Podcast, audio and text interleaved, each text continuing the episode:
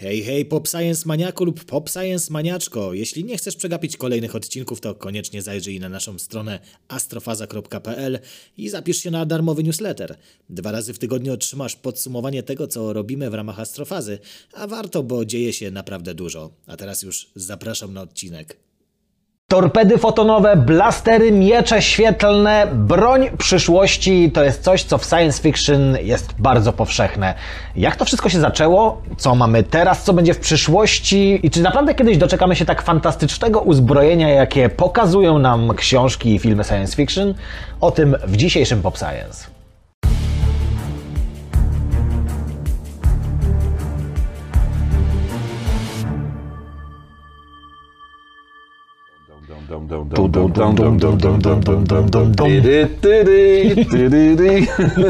Tak, James Bond to jest dobre On nawiązanie zawsze, tutaj. on zawsze używał jakiejś e, broni, jakichś gadżetów. Tak. I to, co było dosyć ciekawe, to y, gdzieś czytałem, że był taki niepisany jakby zakład, wyścig, ile z tych gadżetów, które on y, używał w filmie, w momencie premiery już będzie dostępnych, już będzie jakby zrealizowanych. Chodzi o te rzeczy nie typu nóż w bucie, tak, ale chodzi o takie, takie gadżety typu niewidzialny samochód. Tam w którymś odcinku Jamesa Bonda Był jeździł, samochód? tak, jeździł samochodem, który był zamaskowany.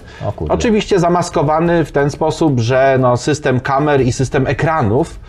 No i to, to też już jest. To nie jest technologia, która e, nie jest dostępna, bo dzisiaj płaskie ekrany też są e, takie plastyczne. Drukować wręcz ekrany na powierzchnię. No i właśnie w ten sposób y, można maskować takie czy inne elementy. Już y, z tego co czytałem pojawiają się, ale to nie jest to, nie jest to ale pojawiają się lakiery takie, które pod wpływem przepływającego prądu też zmieniają barwę, czyli Jak w GTA. Podejrzewam, że doczekamy się i to niedługo, chyba że dojdzie do tego, że za- zakażą rzeczywiście samochodów, co, co pewnie jest. Znaczy, e, może być problem z tymi lakierami, bo e, kiedy- kiedyś to chyba, nie wiem, dalej jest w dowodzie re- rejestracyjnym kolor samochodu, czy już E, nie? chyba już nie. No chyba już już, nie ma e, koloru Kiedyś samochodów, bo można, można samochód. Ważniejszy jest ten numer WIN, Mhm. numer silnika, tak? Będziesz miał taką technologię, która jak będzie przepływał prąd elektryczny, to będzie zmieniała numer WIN też.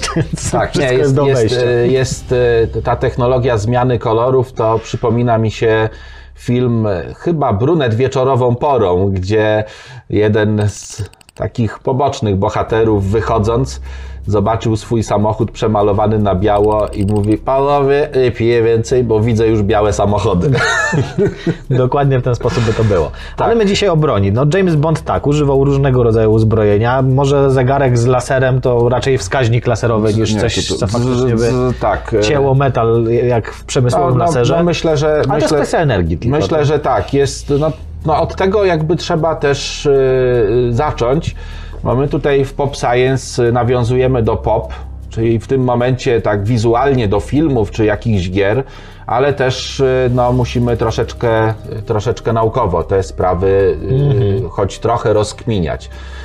I to jest cała grupa y, broni, które opierają się na zjawisku opisanym, opisanym matematycznie i teoretycznie po raz pierwszy przez Alberta Einsteina. Chodzi o zjawiska związane, generalnie taką grupę zjawisk związanych z interakcją pomiędzy materią i polem promieniowania, gdzie e, mamy te trzy podstawowe takie typy interakcji. Po pierwsze to jest pochłanianie energii przez materię, czyli absorpcja, i ta energia, zgodnie z zasadą zachowania energii, nie ginie, tylko powoduje, że materia przechodzi w wyższy stan energetyczny. To tak jak z kawą, tak? Tą kaw, ta kawa ginie.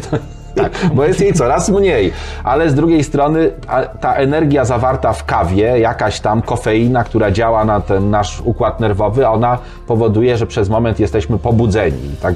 I więcej kręcimy krzesłem, i dysypujemy tą energię na te różne tam elementy krzesła. A mniejsza o to.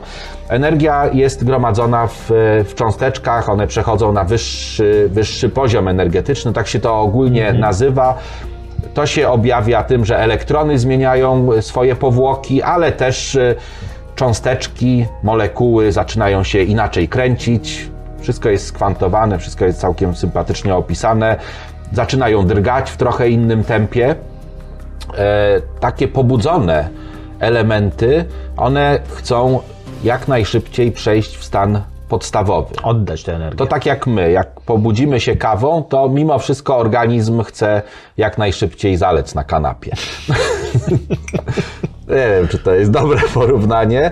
I tak samo większość tych systemów energetycznych, y, mikroskopowych, jeżeli zostanie poprzez proces absorpcji pobudzona, to dosyć szybko tę energię oddaje i wtedy mówimy o emisji.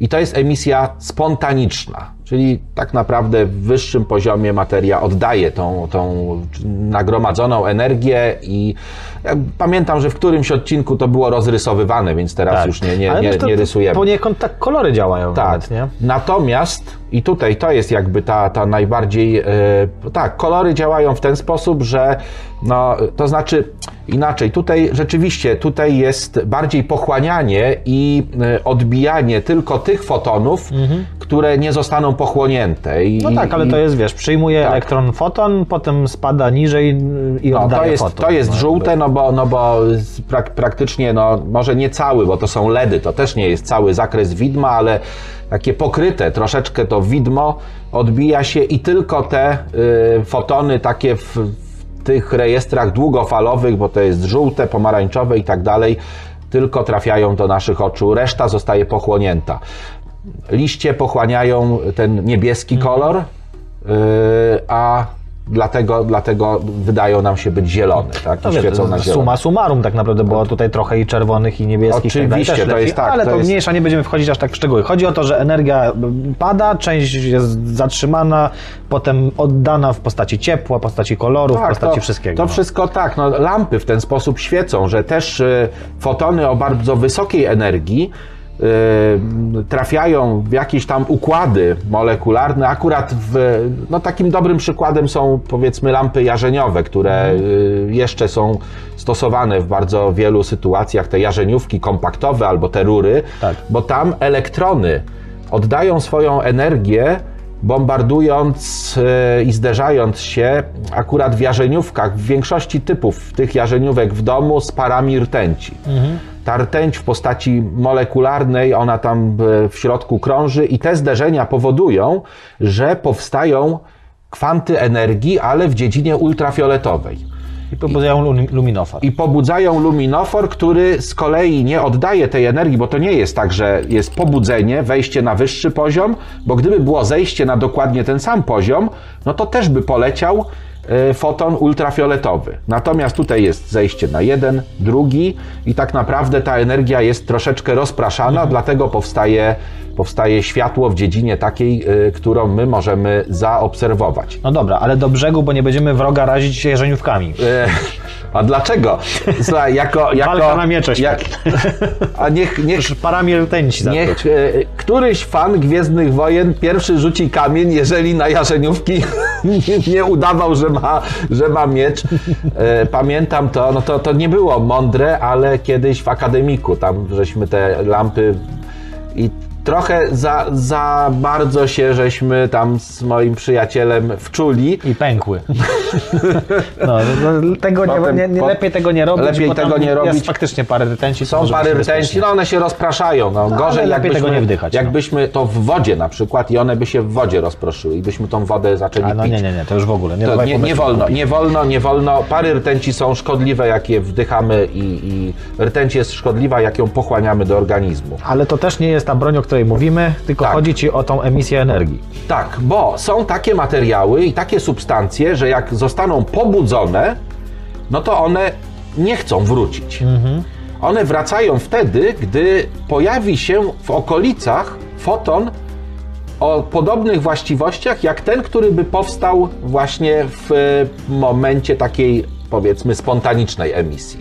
No więc ten foton powoduje fachowo wzrost prawdopodobieństwa przejścia, ale powiedzmy, że on tak smyrta tą cząsteczkę i ona wypuszcza foton, A robi takie. tak, i robi i py- pyk. No i teraz w tym momencie, jak, jak mamy taką sytuację, to leci jeden foton, ten, który wymusił, i drugi, ten, który został wymuszony. Jeżeli te dwa fotony trafią na dwie kolejne takie cząsteczki, no to w tym momencie już będą cztery. Te cztery zmieniają się w osiem. No i zabrakło mi palców. No 8 zmienia się w 16 i tak dalej, i tak dalej. I to jest wymuszanie emisji i to jest wzmacnianie sygnału, bo te fotony sumarycznie dają nam impuls elektromagnetyczny, dają nam falę elektromagnetyczną. Fala elektromagnetyczna jest strumieniem fotonów, więc mówimy po pierwsze o emisji wymuszonej, po drugie o wzmocnieniu. No i teraz, jeżeli mamy wzmocnienie poprzez wymuszanie emisji, to jest e, amplification by stimulation of emission of radiation. Tak, I jak na to będzie ASER. tak. ASER w skrócie. Eizar. Tak, ASER. I jak będzie to w dziedzinie widzialnej, czyli będzie światło, no to dostaniemy laser. Jak będzie to w dziedzinie radiowej, to dostaniemy raser. Jak będzie to w dziedzinie mikrofalowej, czyli takiej radiowej, ale krótkofalowej w, w zakresie tam milimetrów i centymetrów, no to będzie to maser. No i teraz e, i teraz e, W promieniach gamma to będzie gaser. Tak, w promieniach gaser. Ja nie wiem, czy jest gaser. Znaczy, Już są, jest. są na pewno te gamma, tak, te, te oparte o to zjawisko urządzenia, które emitują e, promieniowanie wysokoenergetyczne. E, No, rentgenowskie, no radiowe jest raser, ale też rentgenowskie, tylko że rentgenowskie to jest promieniowanie wysokoenergetyczne sztucznie wyprodukowane, raczej nie gaser, tylko taki e, Xer, tak? No bo promieniowanie X to jest to promieniowanie, e, które u nas nazywa się rentgenowskim. Ale zostawmy to. W zależności od tego, co będzie tym czynnikiem, w którym my wprowadzamy energię i doprowadzamy do czegoś, co nazywa się inwersją obsadzeń, dzięki czemu ten proces w ogóle może się zacząć. Ten proces jeszcze jest kumulowany, bo na końcach ustawiamy takie elementy, od których wielokrotnie to się odbija i dopiero jak osiągnie pewną wartość, to może uciec. Tak, tak właśnie jest to realizowane w takich zwykłych laserach. Oczywiście te zwykłe lasery, które są y, w, w odtwarzaczach CD albo w takich pointerach, one działają w oparciu o ten ośrodek czynny, który jest półprzewodnikiem. Znaczy to są takie, takie złącze półprzewodnikowe, gdzie jest ta, ta właśnie inwersja obsadzeń realizowana. No i teraz, tak jak powiedziałeś, wszystko opiera się o energię, bo taki laser czerwony, no to jest promieniowanie długofalowe, a tutaj musimy sobie przypomnieć, wzoru żadnego nie będzie, ale energia fotonu jest to iloczyn pewnej wartości stałej, stałej planka i częstotliwości. Im dłuższa fala, tym mniejsza częstotliwość. Im dłuższa fala, czyli czerwona, radiowa, tam mikroradiowa, tym mniejsza częstotliwość, tym mniejsza energia pojedynczego fotonu.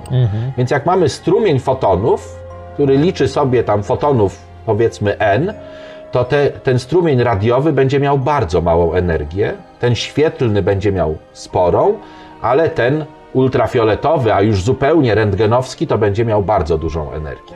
Więc po pierwsze rozchodzi się o to, w jakiej dziedzinie jest ten laser, Ten Powiedz- aser. Ten aser, tak, ten aser.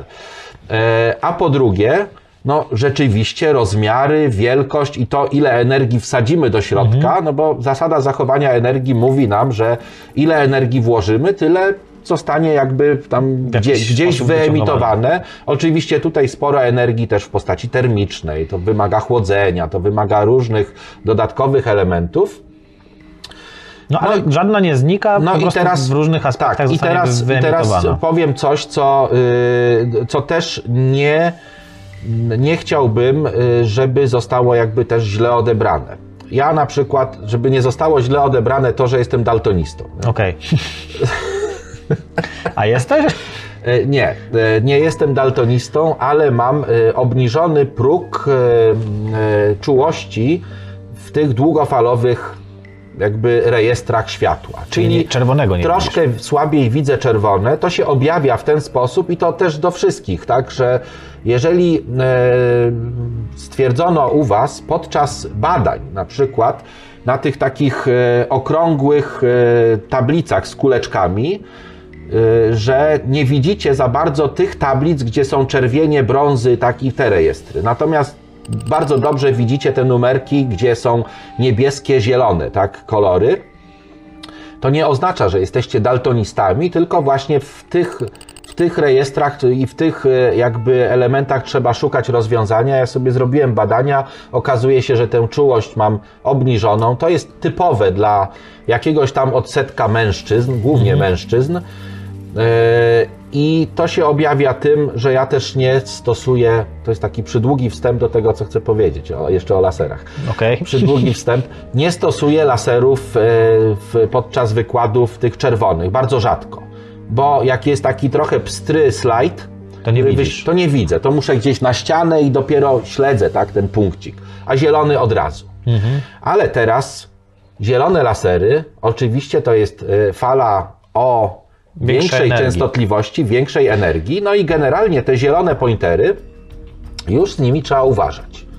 Czerwone, tam one, one są praktycznie, no nie wszystkie, tak, ale te pointerki takie malutkie nie są groźne. Oj, wiesz, to zależy od oka, nie? No, Lepiej tego nie znaczy robić. nie, absolutnie, to nie wolno czegoś takiego To jest, wiesz, to może też oślepić. Natomiast do czego, do czego zmierzam? Te zielone, jakaś tam chińszczyzna, one bazują na podzespołach y, półprzewodnikowych, które y, są bardzo energożerne i które też potrafią bardzo dużą energię w postaci wiązki, skolimowanej wiązki laserowej wyemitować. Dlatego po pierwsze stosowane są takie specjalne układy optyczne, które troszeczkę rozpraszają tą wiązkę. One jej nie kolimują dodatkowo, tylko pozwalają, żeby ta plamka w odległości, nie wiem, paru metrów to już nie był punkcik, tylko żeby to było takie kółeczko, no paru dziesięciu metrów może. Natomiast inną kwestią jest to, że moc lasera i też pobór energii obniżana jest e, elektronicznie. Tam jest kilka oporników, które powodują, że prąd, który jest dostarczany na element jest mniejszy, co za tym idzie jest mniejsza moc lasera, bateria wtedy dłużej trzyma, ale jeżeli wiemy, wiemy co zrobić, a A wiesz. niżej podpisany wie, to można pogrzebać i wtedy rzeczywiście ja to zrobiłem po prostu jako doświadczalnik. Ja chciałem wiedzieć, tak? Mhm. czy rzeczywiście takie moce można uzyskać. Praktycznie po, po pół sekundzie zapałka się Mhm. zapala. Praktycznie po chwili balonik pęka. Kartka też robi się czarna. Jest ten niebieski też laser, nie? Taki, no, widziałem nawet jakieś reklamy nie wiadomo skąd Ale brane. gdzie pointer, ten- pointerów chyba nie To nie ma. pointery, to już są takie lasery, które można było kupować sobie mm, w internecie, mm, co odradzam, bo wiecie, to są jakieś źródła naprawdę trefne z tego, co Tak. widziałem, nawet tak po jakości tych reklam i tak dalej. Mogą być groźne. Mogą być groźne, może wam to się zapalić na przykład, cholera wie jak tam Ja są te przykład- zrobione, ale tam faktycznie ten niebieski laser już był takiej mocy, wiesz, ja nie wiem, czy on był niebieski z tego względu, że faktycznie mm, był, niebieski, niebieski? czy miał niebieskie szkiełko gdzieś Ja, końcu, wiesz co, ale bardzo- palił rzeczy, wiesz, czarne jakieś tam kartki, to po prostu w płomieniach stawały. nie? No to, no to musiał być, musiał być. Znaczy ja z tych, z tych takich, skoro o tym rozmawiamy, to y, jest sporo reklam y, latarek, takich ultramocnych latarek. One działają na bazie bardzo takich e, energetycznych elementów LED i rzeczywiście są piekielnie mocne, ale pamiętajcie, zasada zachowania energii. Jeżeli latarka jest piekielnie mocna, że w, w, w 100 metrach jest wszystko oświetlone, to znaczy, że ta bateria po mniej więcej 3 minutach przestanie y, wystarczać. Trzeba do gniazdka Tak, podłączyć. trzeba podłączyć do gniazdka takie, takie urządzenie i już, i, i, i tyle. No, dokładnie.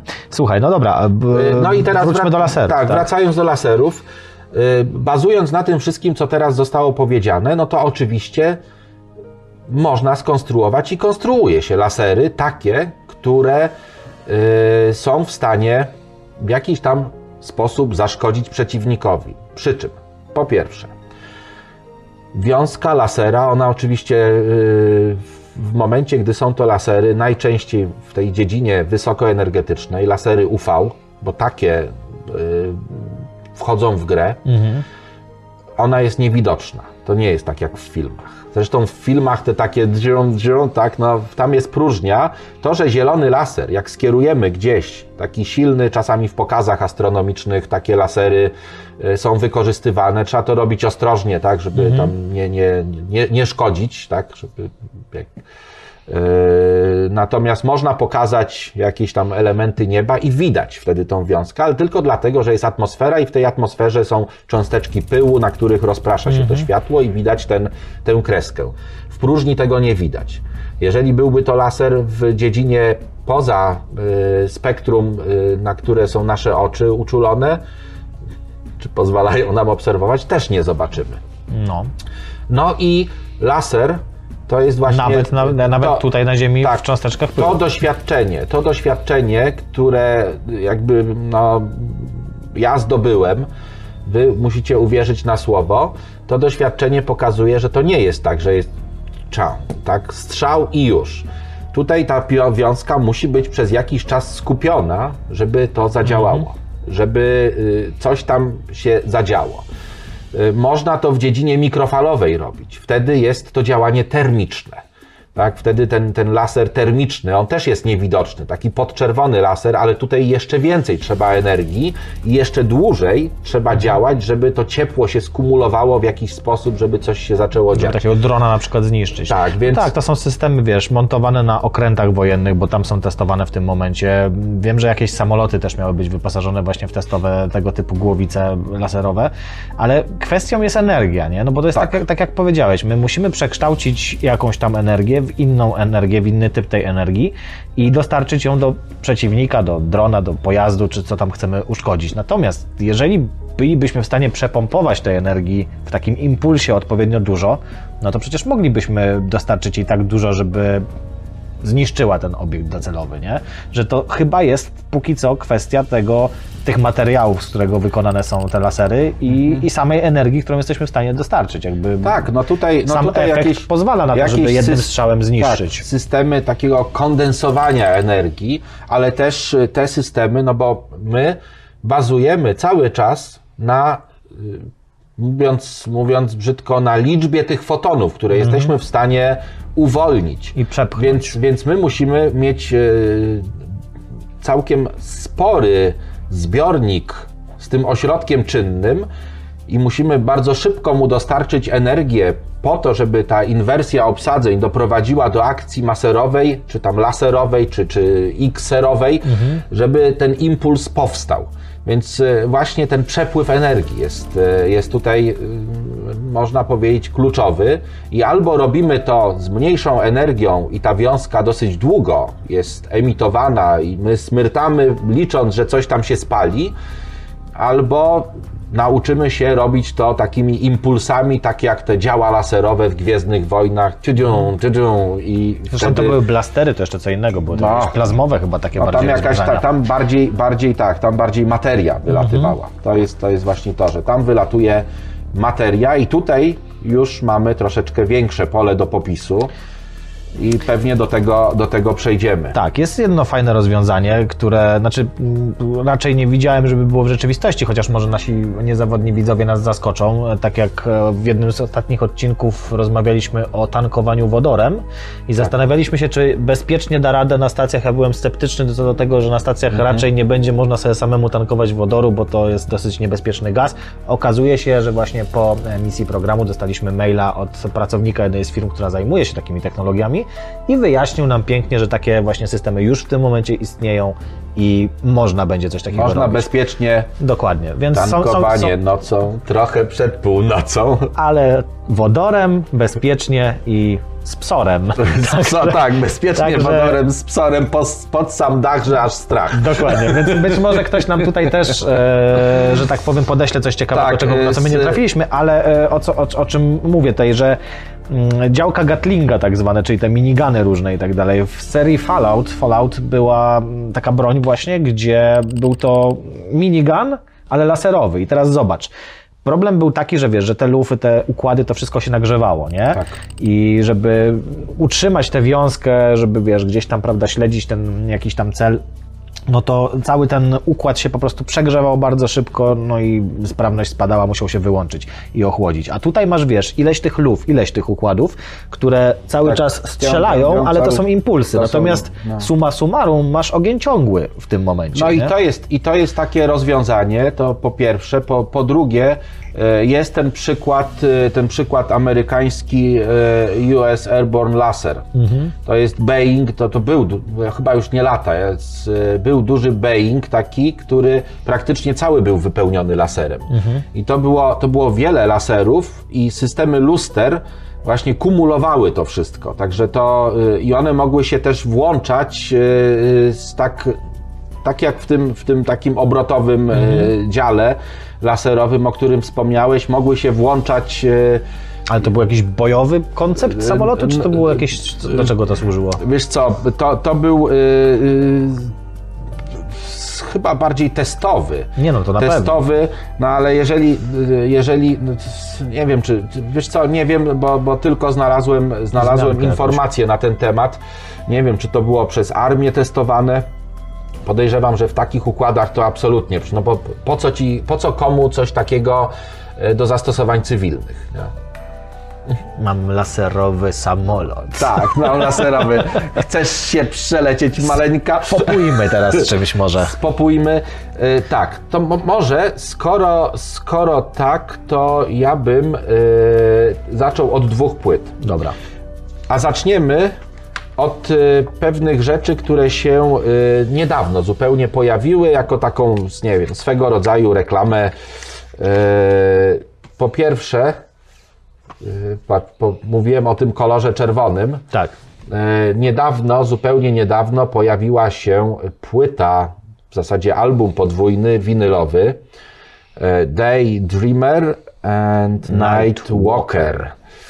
No, to jest, jest bardzo, bardzo fajna okładka, taka, taka komiksowa, zresztą w No środku... to wiesz, takie lata 80. st- stylistyka i to też dobrze nawiązuje, bo lasery, no to przecież w stylistyce lat 80. takim Tak, właśnie... one się pojawiały, więc tutaj e, wave i tak w środku dalej. też, e, nie wiem co, bo, a po co on tam sięgnął? A, on sięgnął Instrumenty. po instrumenty. Tak po, przewozić bezczelnie, po prostu bez Tak, pokrosu, no to bez wiesz, niczego. no to, to, to tylko i wyłącznie Ródź tak prze, przewodzi, prze, przewozi, bo tu jest Ródź z tej strony, a z tej jest Roman, Roman Odoj, który jest gitarzystą. Mhm. I powiem Ci, że na tych płytach, nie wyciągam płyt, bo są normalne czarne, tak? Y, Nie, nie, nie ma wydania. Mhm. To wychodzi w antologii polskiej muzyki elektronicznej. Tutaj już to jest trzecia albo czwarta płyta, która wyszła w tej antologii.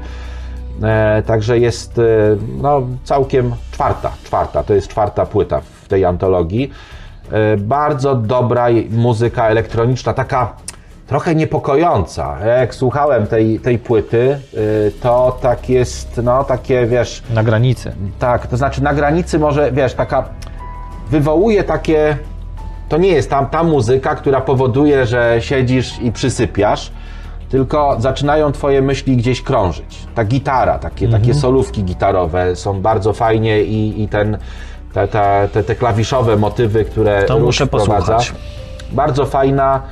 Y, W ten, y, wyślę ci, bo mam ją w wersji, jak będziesz chciał, elektronicznej. Dostałem od Przemka Rudzia. Lasery, więc tak, E, no, Skoro lasery, wiesz co, lasery to nie, nie ta płyta, tylko ta. o, dokładnie. To jest ta płyta i to jest takie wydanie, wydanie, kurczę, właśnie nie wiem, nie, to są też czarne płyty, też czarne. Music From The Star Wars Saga Essential Collection. Czyli to, co Bo, najważniejsze. Wiesz co, bo wychodzą tam te Williamsy, no nie, z, z takiego filmu, z innego, natomiast tutaj jest już e, e, w zasadzie z, z, z całej serii te, te mm, e, utwór tytułowy, jest, e, e, jest ten taki Marsz imperialny marsz, oczywiście, to, to jest to. Czyli creme de la creme całej muzyki Większość, Star Wars. większość w telefonach imperialnych marszów to jest e, żona albo teściowa. Nie? To, to, A to, tu, dokładnie, a tutaj tak. możesz sobie posłuchać A tutaj- w jakości winylowej. no, w środku nie zaskakuje. Strasznie, No bardzo dziwne. Bo to jest ta galaktyka da- ja dawno temu zobaczę, i- czy, czy, bo, bo nie jestem pewny, czy ona, czy ona jest jakaś tam kolorowa. Jest szara. No, ja, znaczy taka bardzo fajna, nie? Taka, widzisz, Grafitowa. grafitowa, e, laserowa. Także y, w Gwiezdnych Wojnach te lasery się pojawiają i są y, jakby bardzo, bardzo często wykorzystywane. Nie, tutaj nie ma. Tu jest tylko wejście w ten nadświetlny, tak, taki. O, o, W hiperprzestrzeń. Tak, hiperprzestrzeń, o teraz widać.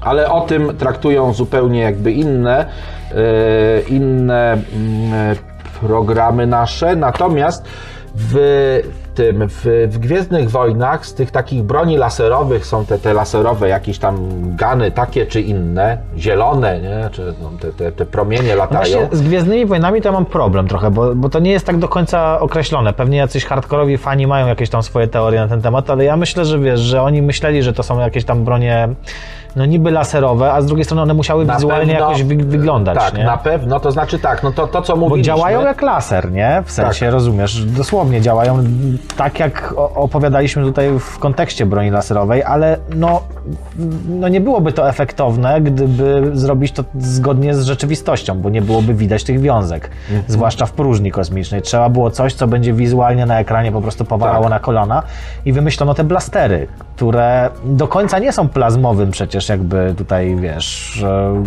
bronią plazmową, czyli nie wyrzucają rozgrzanego bełta z jakiejś materii, która jest w stanie plazmować. Słuchaj, y, tutaj. Ale nie są do końca też po- laserem. Pokażesz pewnie y, obrazek z gwiazdą śmierci. Przecież tam, y, nie wiem, poprawcie, poprawcie mnie, je, jeśli się mylę, ale tam jest y, ewidentnie mowa o laserach. Tak, jest turbolasery są przecież. Tak, jakieś turbolasery, ta, ta, ten, ten wielki system, y, jest ta dziura, dziura y, taka w tej gwieździe śmierci, z której tych kilka, to jest w ogóle takie śmieszne, bo one tak lecą, nic, nic, nic i potem z tego wylatuje taki jeden promień. Musi być jakiś skupiacz, nie? Tak, o, skupiacz laserowy. Dokładnie, skupiacz laserowy. Nie no, Gwiazda Śmierci. Znaczy słuchaj, no też nie możemy się dopatrywać w Gwiezdnych Wojnach jakiegoś sensu naukowego w tym wszystkim, bo, bo jakby tam niespecjalnie się nie tym mam, przejmowali. Nie mam y, książek, ale y, wiesz co, jest taka seria, ja ją mam tylko, tylko w postaci audiobooków, bo kiedyś nie kupiłem, teraz jest, nie wiem, czy, czy do kupienia, czy nie. Autorem jest Rafał Dębski i on y, napisał taką serię Rubieże Imperium. To jest taka, powiedzmy, militarna SF, Y, I skoro o broniach w takich przyszłości mówimy, to akcja się rozgrywa tam kilka wieków od teraz. Ludzie opanowali galaktykę, opanowali też tam te loty z prędkościami y, nadświetlnymi. Są różne, różne frakcje i one walczą ze sobą. Tam jest y, coś, co się nazywa w tej książce e, coś, co się nazywa e, cesarstwem, gdzie cesarz rządzi, takie coś jakby tam, nie wiem, chińsko-europejskie. Jest cesarz, jest taka właśnie taka bardzo monarchiczna struktura tego wszystkiego, są ci arystokraci. E, I jest też taka tam demokracja, to jest republika. Oni ze sobą się tłuką, aczkolwiek jakieś tam są między nimi też zależności i główny bohater doprowadza do tego, że powstaje wręcz grupa złożona z jednych i drugich, żeby jakieś takie dziwne zjawiska badać. I są piraci. Oni używają pojazdów kosmicznych, no i w tych pojazdach kosmicznych, tak jak i w bardzo, bardzo wielu książkach typu E, o, te dwie wezmę, bo wziąłem tylko kilka. Jest ich naprawdę mnóstwo książek typu e, Space Opera. W Space Operach mamy kilka tych typowych rodzajów broni, które są e, nazwane i jak się pomyśli o tym, to to jest od czapy, nazwa w ogóle. E, ale też są używane lasery. I oni tam tych laserów, lasery są mikrofalowe. O, chcą nas przysmażyć, włączyć osłony tam jakieś, no nie, to wiesz, to jest taka nomenklatura, która tego się fajnie słucha, tylko trzeba wyłączyć tą Tak. całą rozkminę, no, tak jak Gwiezdne Wojny. Trzeba wyłączyć zdrowy rozsądek, żeby to oglądać. Żeby się dobrze y, bawić. Żeby się dobrze bawić. Ja, ja na szczęście w miarę wcześnie nauczyłem się jakby ignorować te różne takie rzeczy, Mhm. które są nienaukowe. Czyli tutaj to masery właściwie bardziej. Tutaj to są tak, ale są i masery, i takie y, ultrafioletowe y, lasery i lasery te, te wysoko, bardzo wysoko energetyczne. Oczywiście no, autorzy, którzy troszeczkę mają oleju w głowie, to wiedzą, tak, jakie, jakie energie są. Że, No bo takim maserem musiałbyś dużo dłużej oświetlać. tak, powiem, dokładnie. I bardziej może chodzi o to, żeby, nie wiem, jakimiś długościami fali, bo może wywiad po, powoduje, że te ich osłony jakieś tam y, przepuszczają jakieś długości fali, więc spenetrować coś w środku, przysmażyć, tak. y, Go- jak kiedyś wspominałem już o tym, że dawno temu na, na, na jakąś taką podróbę Pegasusa, bo to wtedy takie w Polsce były te, wiesz, na rynkach sprzedawane e, różne, był taki cartridge z grą e, Godzilla i to była gra strategiczna, gdzie trzeba było powstrzymać Godzillę albo właśnie te inne potwory z tego całego uniwersum. I tam był maser. I to też było fajnie wytłumaczone, jak zobaczyłem później sobie tam w tych tekstach, które były, że Godzilla jakby absorbowała energię, nie? Z racji, że powstała w tym tam wybuchu nuklearnym, to absorbowała duże ilości energii naraz i jakby to ją wzmacniało, a nie można było dlatego jej na przykład bombą jądrową zlikwidować. A maser, z racji tego, że właśnie ta energia była dostarczana, ale w dłuższym czasie i mniejsza, była w stanie jakby Godzilla przynajmniej przystopować, powstrzymać i tak dalej, nie? Więc widzisz, jednak w takiej giereczce gdzieś tam na, na SNES-a w dawnych czasach e, już te energie wzięli pod uwagę, nie? No i, i, i właśnie o to chodzi, żeby, y, wiesz, nawet jeśli się poruszamy w takich dziedzinach, które są nie do końca dzisiaj racjonalne, być może będą. Być może te źródła energii jakoś się rozwiną, może coś tam się uda nam y, osiągnąć lepszego w tych y, właśnie zakresach. Natomiast, żeby ten zdrowy rozsądek też był, żeby te podstawy fizyki gdzieś próbować, choćby troszeczkę za, zakamuflować, upchnąć, y, żeby choć trochę uwiarygodnić. I Żeby to, nie psuły tak. zabawy, ale jednocześnie, żeby Tak. to nie było magical, prawda? I tak dalej. I tutaj, tutaj właśnie tak, żeby, żeby pokazać, e, to jest po pierwsze wezwał nas Honor, to była pierwsza część, druga Honor to my, to jest Paul e, Honsinger, Honsinger, no i tutaj jest e, 2315 rok, Terrańska Unia, e, z hegemonią krak, wojna, no i jest masa tych broni. Tam są po prostu te, te pewnie za chwilę zahaczymy o te torpedy fotonowe, cokolwiek to znaczy. Torpedy fotonowe są najsmaczniejsze. Tak, to torpeda Z ketchupem. Ale to weź, bo tutaj też się chyba pojawiają e, u Nika Weba, też e, bardzo długa seria, e, Stara Flota. Nie wiem, który to jest już ten, która to jest książka. Tom, to jest akurat czwarty. Ja wiesz, wziąłem z regału taki tam pierwszy z brzegu. E, Kiedyś się w tym zaczytywałem, teraz jakoś nie sprawia mi to już większej radości, ale ci, którzy e, niekoniecznie jakby mają do czynienia, z, mieli do czynienia z takimi książkami, albo bardzo lubią, no bo, bo to jest łatwe do czytania, to jest takie wciągające, przyjemne. Tak jak, o, zacząłem przecież o tym Rafale Dębskim, tak? A tam to mam taką dygresję, bo u Rafała jest y, armia i ona jest na wzór y, takiej, y, ta, ta kosmiczna, na wzór y, marynarki wojennej. Więc te stopnie, admirał, tam kontradmirał, jakiś tam inny, tak, bosman, majtek i tak dalej. Ci oficerowie też noszą broń. Broń białą. Jest kodeks honorowy i jest też, są też dopuszczalne pojedynki. I tam jest taki smaczek opisany, no bo ten główny bohater, on y, syna bardzo ważnego polityka, takiego, który jest na, na szczytach jakby tej, tej władzy, aresztował za jakieś takie niecne występki. Tamten się wywinął troszeczkę od kary, no ale czuł się nie, no wiesz, bardzo obrażony i, i na pojedynek wyzwał na broń białą tegoż właśnie y, oficera, głównego bohatera, Aiden on się chyba nazywał, ale tam jest taka ciekawostka, bo to jest taki bardzo szczególny rodzaj broni białej, to są jakieś tam szpady, szable czy coś, rapiery, nie wiem, nie wiem dokładnie, nie pamiętam, ale w rękojeści, rękojeść jest obłożona skórą bardzo rzadkiego zwierzęcia, która to skóra pokryta jest malutkimi kolcami, ta skóra jest utrzymywana ciągle w, w takiej formie życiu. przy życiu, że jak się łapie tą broń, to przez te kolce do krwiobiegu i do systemu nerwowego dostają się jakieś takie substancje, które powodują, że niezwykle y, wyostrza się, wyostrzają się zmysły i czas reakcji. Że jeżeli ktoś nie ma doświadczenia, to może, wiesz, no, ponaderw, ponaderwać sobie mięśnie, może, wiesz, jakoś tam Mhm. E, dziwnie to wszystko się dziać. E, Tam w tej książce e, Rafała Dębskiego jest tak, że on go wyzywa na pojedynek i z pogardą mówi, wiem, że cię nie stać na taką szablę, ja ci pożyczę. No, nie nie wiedział, że główny bohater wychowywał się na planecie, gdzie pozyskiwana jest ta skóra. Więc, Proszę bardzo.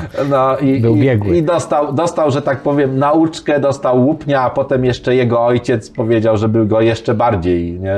bo, bo okazał się takim synem. Ale słuchaj, to ja pociągnę te alegorie, dygresje i tak dalej, bo e, skoro jesteśmy przy broni białej, a może nie być później okazji, żeby o niej opowiedzieć, to przecież Duna.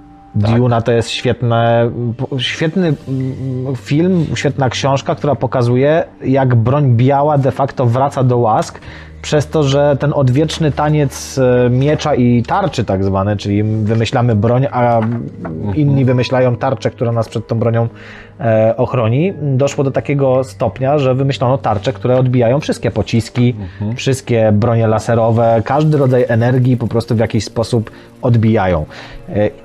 I gdyby jedynym sposobem jest to, żeby powoli po prostu Tak. przez taką tarczę przejść, dlatego właśnie broń biała e, wróciła do łask de facto. Więc zobacz, technologia tarczy poszła tak bardzo do przodu, że trzeba było tak naprawdę zrobić krok wstecz. Ale to jest, e, wiesz co, e, e, I podobnie było w Stargate, tak, w Stargate, którymś tam chyba tym pierwszym SG-1, tym takim sezonie, znaczy sezonie, w tym pierwszym serialu. pierwszej serii. Tak. Byli ci replikatorzy, to były takie maszyny, które z mniejszych elementów się składały i one były odporne na wszelkie rodzaje broni energetycznej, więc e, rozbijały cywilizacje techniczne wysokiego poziomu, bo one opierały się już na tych energetycznych broniach. I to ci nasi tacy, którzy trochę jak Nikodem Dyzma w ten świat weszli, mało zaawansowani z tymi e, pociskami kinetycznymi w postaci po prostu kul w karabinach, nagle się okazało, że nasza technologia jest w stanie niszczyć te roboty, bo one nie miały potrzeby wytworzyć jakiegoś systemu obrony przed kinetycznym po prostu uderzeniem. Tak, y, ta cała seria, jejku, wyleciała mi z głowy, wyleciał mi z głowy tytuł, szukam tego tytułu, ale to jest Holdeman e, i to wyszło jako komiks, też jest powieść Holdemana o takiej y, też wojnie przyszłości z y, Bykrianami, z Tauronami, Ta, Tauron, Tauru, Taurusowie, czy jak on w oryginale, w polskim tłumaczeniu chyba Bykrianie to są. Ale nie, nie mieli rogów. E, Nie, nie mieli rogów, oni byli bardziej takimi, takimi jakby takimi ow- owadokształtnymi takimi stworzeniami. E, I tam głównym bohaterem jest e, Mandela. Mandela, który w tych kolejnych jakby etapach on awansuje, tam bardzo ważną rolę odgrywa i my nawiązywaliśmy do tej, do tej książki e, Wieczna Wojna, Wieczna Wojna Holdemana. E, I tam jest e, właśnie wymyślone, zostało takie pole stassowe, zdaje się to się nazywa, że e, wymyślono jakiś taki rodzaj osłony, wewnątrz której nic nie może poruszać się szybciej niż jakaś tam prędkość, co automatycznie powoduje, że wszelkie tam bronie miotające, jakieś takie karabiny, coś takiego przestaje działać. No i tam e, ten główny bohater taką, taką, e, sen, taką, taką rzuca takie jakby słowa, że przypominają mi się słowa Einsteina, że trzecia wojna światowa będzie wojną e, nuklearną. E, Czy jeżeli będzie wojną nuklearną, to na pewno czwarta będzie już przy użyciu Że tych nie wie, broni białej. Nie, nie wie, czym będzie prowadzona. A, czy- Będzie ta trzecia, Tak, ale czwarta będzie na kijejkiem na kije- Tak. No i oni rzeczywiście na początku y, masakrowali tych y, przeciwników, ale oni się dosyć szybko nauczyli, Mhm. że też y, w, w, wchodzili w ten, w ten obszar działania tego pola już y, z jakimiś tam dzidami, z jakimiś mieczami i ta wojna w ten sposób wyglądała. Y, Też y, w różnych powieściach, y, w książkach, opowiadaniach SF w space operach broń biała jest używana w tych momentach abordażów.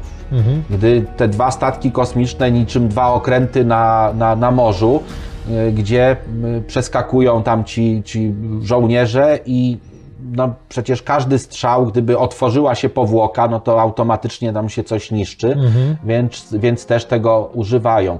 Znowu kolejne jakby nawiązanie, ale to już jest broń broń niby biała, ale jednak y, Zielona. Ale jednak zielona. Ale jednak zielona. Nie, jednak czerwona po użyciu. Aha. To y, przypominają mi się też gry, y, filmy animowane. Żałuję, że nie ma filmu fabularnego żadnego. Filmy animowane, ale też takie, takie do gier, one tam gdzieś na YouTubach są możliwe do obejrzenia, które związane są z tym całym uniwersum Warhammera 40 tysięcy. I tam ci rycerze zakuci w takie, w takie wspomagane zbroje, oni dzierżą w rękach te miecze, ale miecze, które są jednocześnie piłą łańcuchową. To jest dopiero, wyobrażasz to sobie? To jest moc. Możesz i wroga razić, i drzewo zetniesz w razie czego do Drzewo zetniesz, tak, i, i narąbiesz drewna, tak. Ale, ale rzeczywiście, te, te bronie, bronie białe występują i Mhm. myślę, że od tego się jakoś nie... No ale weź zobacz na przykład Jedi w, i Sithów w Gwiezdnych Wojnach. No przecież to nie ma sensu w świecie, gdzie masz różnego rodzaju blastery, lasery i tak dalej. No wiadomo, oni mają moc, tymi mieczami mogą odbijać te, te, te, te Tak. pociski i tak dalej, ale raczej wynika to z takiego kodeksu bardziej właśnie, że to jest ta elegancka broń, jak oni mówią, że to jest jakiś taki właśnie ten kodeks rycerskości i tak dalej. Więc wiesz, w momencie, kiedy masz już zasoby, w momencie, kiedy masz już technologie obronne i tak dalej, to ta sztuka wojenna, jak to się często nazywa, zaczyna być faktycznie sztuką w pewien sposób, no nie? I zauważ, dlatego wybrali tą elegancką broń, Tak. białą, mimo że mogli, tak jak zresztą w którymś tam odcinku z tych nowych, e, jak on się nazywa, Obi-Wan Kenobi strzela i mówi, że całkiem poręczny przyrząd. Tak, całkiem poręczny przyrząd. Natomiast, no nie, bo tutaj tak, tu chodzi o sztukę, o szermierkę i to właśnie w ten sposób wyglądało. I, I broń masowego jakby rażenia, masowej zagłady, ona trochę zabiła tę, tę sztukę wojny w takim klasycznym jakby podejściu, bo tu, tu już nie ma żadnej sztuki, po prostu jest No to już pierdół. łuk to zrobił, nie? Tak. Oszczep właściwie już to zrobił. E, ale to, to mimo wszystko to było takie zawsze no oszczep raczej no rzadko kiedy dwie osoby, czy, czy łuk, jeden strzał, no tak, rzadko tylko chodzi, chodzi mi o to, że wiesz, że kiedyś powiedzmy jak jeszcze się y, na te miecze walczyło, na te wiesz, jakieś mm, pałki dosłownie i tak dalej, no to wszystko zależało od twojego wyszkolenia, takiego No. jak dobrze posługujesz się własnym ciałem, jak dobrze opanowałeś swoje własne ciało, siłę, szybkość i tak dalej. W momencie, kiedy broń miotana jakaś się pojawiła, no nie wiem, kamień, znaczy ona zawsze równolegle gdzieś szła, więc ktoś, kto nie był tak wprawny w tym jak ty, ale miał celne Jak oko, ja. Dobrze powiedziałeś, ktoś to nie był taki nie jak był ja. takim szermierzem No, jak ty, Leszku, no, to ale wiesz. miał wprawne oko i potrafił dobrze rzucić kamieniem, mógł cię powstrzymać mimo wszystko dużo wcześniej. No ale nie było oczywiście broni masowego rażenia, Mogę powiedziałeś. trochę spopować, bo ja bym chciał Jasne. do czego innego nawiązać. To jest... e, Musimy Michaela Jacksona zawsze, tak. jak mówimy, żeby spopować. Spo, spopójmy. Au, au, au. To jest e, e, Biała Reduta Tomasza Kołodziejczaka. E, ostatnia Rzeczpospolita. Tak e, jakby wygląda. Tu jest jakiś, zobacz, taki ubrany w, w taką e, też zbroję wspomaganą na okładce wojownik z orłem, z orłem na, na, na Na piersi. Ma jakiś tutaj niby karabin, ale tak naprawdę do czego ja tutaj nawiązuję? Tutaj jest wojna, ale nie z takim normalnym przeciwnikiem opisana, tylko e, wojna z przeciwnikiem, który z innego wymiaru do nas wkracza, który jest takim przeciwnikiem, można powiedzieć, metafizycznym, z którym już nie można walczyć wprost karabinem, aczkolwiek też Tylko musisz wygrać w jakieś behemoty, jakieś dziwne. No. Yy, I to, co tutaj jest tu bardziej, bardziej, yy, bardziej taką magią. W tej książce jest prastara słowiańska magia. Żeby chronić granice, ja to kiedyś tu mówiłem, nie? to yy, te żołędzie, które pozbierano z dęba Bartka, obsadzono granice i te, te dęby jakby tworzą taką Barierę starą barierę, że to zło do nas nie wpływa. No tak. Przejdźmy do jednak broni. No, ale, ale Będziemy zobacz, strzelać nie, bo, żołędziami bo jesteśmy, w, w przeciwnika. wiesz, bardzo dobrze, że nie z żołądzia. E, W każdym razie, w każdym razie to też jest, to jest, bo to jest, e, akcja się dzieje też na Marsie. Akcja się dzieje, to jest normalna, normalna SF, ale z takimi elementami, bo słuchaj, Nie no, to jakby My nie ciekawa, wiemy, ciekawa my nie wiemy, co nie? nas spotka. A teraz popatrz, to jest też wojna przyszłości. Pamiętasz, jak gruchnęła taka wiadomość, y, kiedyś, że wojsko polskie, yy, czy jakieś tam ministerstwo zamówiło dla jednostek wojska polskiego ileś yy, yy, tych mobilnych ołtarzy. Okej, coś było, pamiętam. Było coś takiego. No i teraz zobacz, połącz kropki, no nie? To jest fantastyka. Tu nikt A się może nie... jednak nie jest fantastyka. może wiedzą coś, czego my nie wiemy, a wiedział Tomasz Kołodziejczak. Prawdopodobnie on miał, e, on miał Wgląd. e, wgląd do jakichś tajnych projektów, gdzie można, można wymodlić zwycięstwo. No, słuchaj, cokolwiek działa. Nie, to, Przejdźmy dalej do technologii jednak mimo Dobrze. wszystko. E, weźmy inne. Paralizatory. Paralizatory. Tak, bo w fantastyce jest sporo e, takich e, taserów, tak, paralizatorów. Co więcej, jest sporo broni, która jest taka, ustawiamy albo na, wiesz, Jak na fazery w tak, Star w Treku. Star Treku, że robią się takie kółeczka w tych starych i tak ding, ding, ding, ding, ding i, o, i ktoś omdlewa Na albo... ogłuszanie był ustawiony. Wrzu- Tak, ustaw na ogłuszanie, nie, nie zabijaj, ustaw na Dokładnie. ogłuszanie. Nie no, są paralizatory. Nawet Tak. w fantastyce y, przecież y, teraz bardzo modny wyszła gra y, Dziedzictwo Hogwartu i tam też przecież jest ten czar Petrificus Totalus, który sprawia, że nagle drętwiejesz jak rażony paralizatorem, więc widzisz No i teraz- nawet w I fantazji teraz jak można to zrobić? Węgorzem elektrycznym. rzucić węgorzem. Ty, 600 działo, voltów. słuchaj, działo, które wystrzeliwuje węgorze elektryczne jako elementy, no bo ja chciałem, nie, inaczej, ja Dobrze chciałem, się bawimy, a wy? ja chciałem tutaj tak, żeby trochę było powagi, Tak. że my w tym momencie albo wystrzeliwujemy naładowane elektrycznie elementy, y, bardzo często, bo to, to działa w ten sposób, że mamy albo takie tasery ręczne, że musimy go przyłożyć i wtedy między elektrodami przepływa po, poprzez Impuls, nasz organizm impuls elektryczny. Tutaj musi być bardzo dobrze y, dobrane natężenie tego prądu. Napięcie i tutaj, y, żeby też było wiadomo, napięcie, nawet jeżeli jest bardzo wysokie, nie jest dla nas szkodliwe, bo czym jest napięcie elektryczne? Pole elektryczne działa w ten sposób, że jest polem sił potencjalnych i w polu elektrycznym, jeżeli umieścimy ładunek elektryczny, no to on będzie poddawany, będzie miał potencjał elektryczny i będzie poddawany działaniu sił pola potencjalnego. To jest dokładnie tak samo coś większego. Sfinksa, którego jeszcze nie ma. Nie. Podnosimy w polu grawitacyjnym tego sfinksa, nadajemy mu energię potencjalną i pole grawitacyjne, jeżeli nie będzie nic go utrzymywało, spowoduje, że ta energia Nie będzie potencjalna. sfinksa utrzymywało. Nie, tak, nie będzie utrzymywało świ- sfinksa, że on spadnie. Tak, miał potencjał spaść. I teraz ta różnica potencjałów między tym miejscem a tym to jest Napięcie, napięcie grawitacyjne. grawitacyjne. I to napięcie grawitacyjne mówi nam, jak szybko ten sfinks spadnie. W większym polu grawitacyjnym albo gdzieś tam bliżej środka ciężkości, on będzie spadał szybciej. Natomiast no tutaj ma on jakby przyspieszenie grawitacyjne jest 9,81 y, y, centymetra na, metra na sekundę kwadrat. I to powoduje, że się porusza.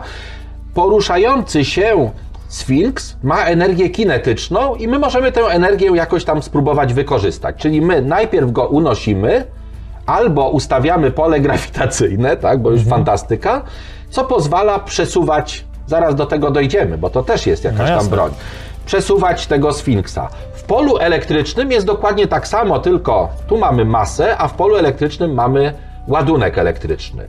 Jest jakieś pole, gdzie jest plus, minus, ujemny ładunek będzie odpychany od minusa i przyciągany przez plusa. I ten ładunek ma potencjał. Jeżeli teraz ustalimy dwa miejsca, miejsce A i B, i wyznaczymy jeden potencjał i drugi, no to różnica między jednym a drugim będzie napięciem elektrycznym, które to napięcie mówi nam, jak duża siła zadziała na ten elektron i jak szybko on przeleci. To jest napięcie elektryczne. Natomiast to, ile tych elektronów będzie przelatywało w jednostce czasu, to jest natężenie.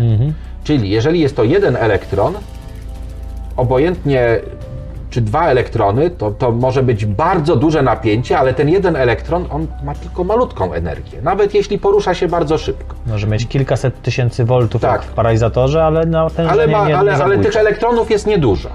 Czyli my to odczujemy, ale tak naprawdę ta energia, która zostanie przekazana do naszego organizmu, nie będzie zbyt duża. Czyli napięcie samo w sobie nie definiuje nam jeszcze przepływającej czy, czy, y, czy energii prądu elektrycznego. Napięcie jest tylko jedną składową. Drugą jest ta liczba elektronów i to jest natężenie.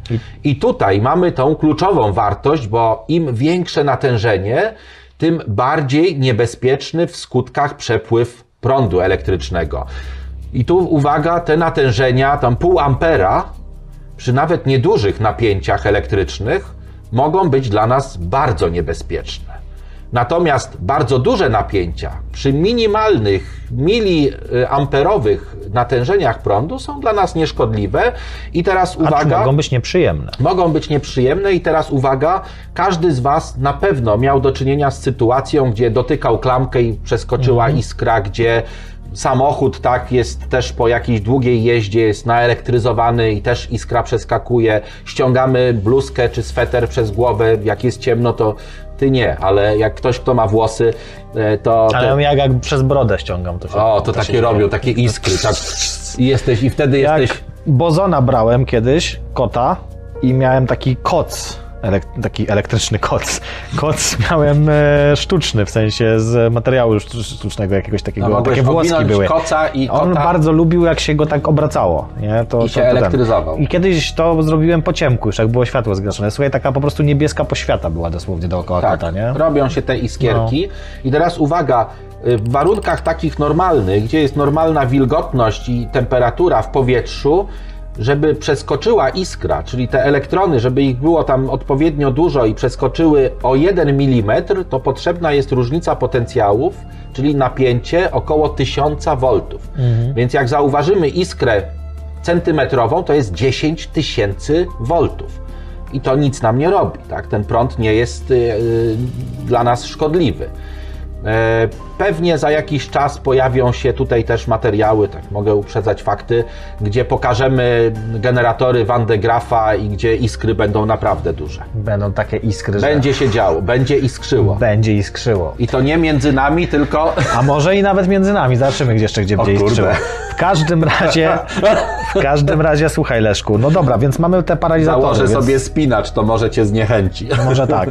E, mamy wysokie napięcie, aczkolwiek to też trzeba pamiętać, że to nie jest tak, że teraz widzimy wysokie napięcie, małe natężenie, no to dawaj będziemy dotykać, Tak. bo ktoś może mieć problemy z układem krwionośnym, ktoś może mieć, nie wiem, rozrusznik czy coś, więc Tak. to też ma wtedy wpływ. Oczywiście. Lepiej prądu nie dotykać, jak nie trzeba. Nie, nie. Ale właśnie tak działają teasery, tak działają te bronie na ogłuszanie, że tak, Tak, powiem. czyli, jest odpowiednio dobrane wysokie natę, napięcie. natężenie jest niewielkie, bo to jest rzędu, rzędu y, kilkudziesięciu miliamperów, zdaje się, natomiast wysokie napięcia, rzędu kilkuset tysięcy nawet. tak, kilkaset voltów. tysięcy voltów, no i to jest tak, albo dotykowy, albo elementy y, wystrzeliwane są, ale też na drutach, Tak, bo tutaj musi być źródło i to musi być takie działanie ciągłe, to, to nie jest jeden strzał, jeden strzał nic nam nie zrobi. E, Natomiast musi być to działanie, działanie ciągłe. E, I, I wtedy mięśnie się przypomina kurczą mi się, i- teraz przypomina mi się ten e, taki film Poznaj moich rodziców. To była komedia Coś było. gdzie taki był y, bardzo zasadniczy policjant amerykański, taki służbista.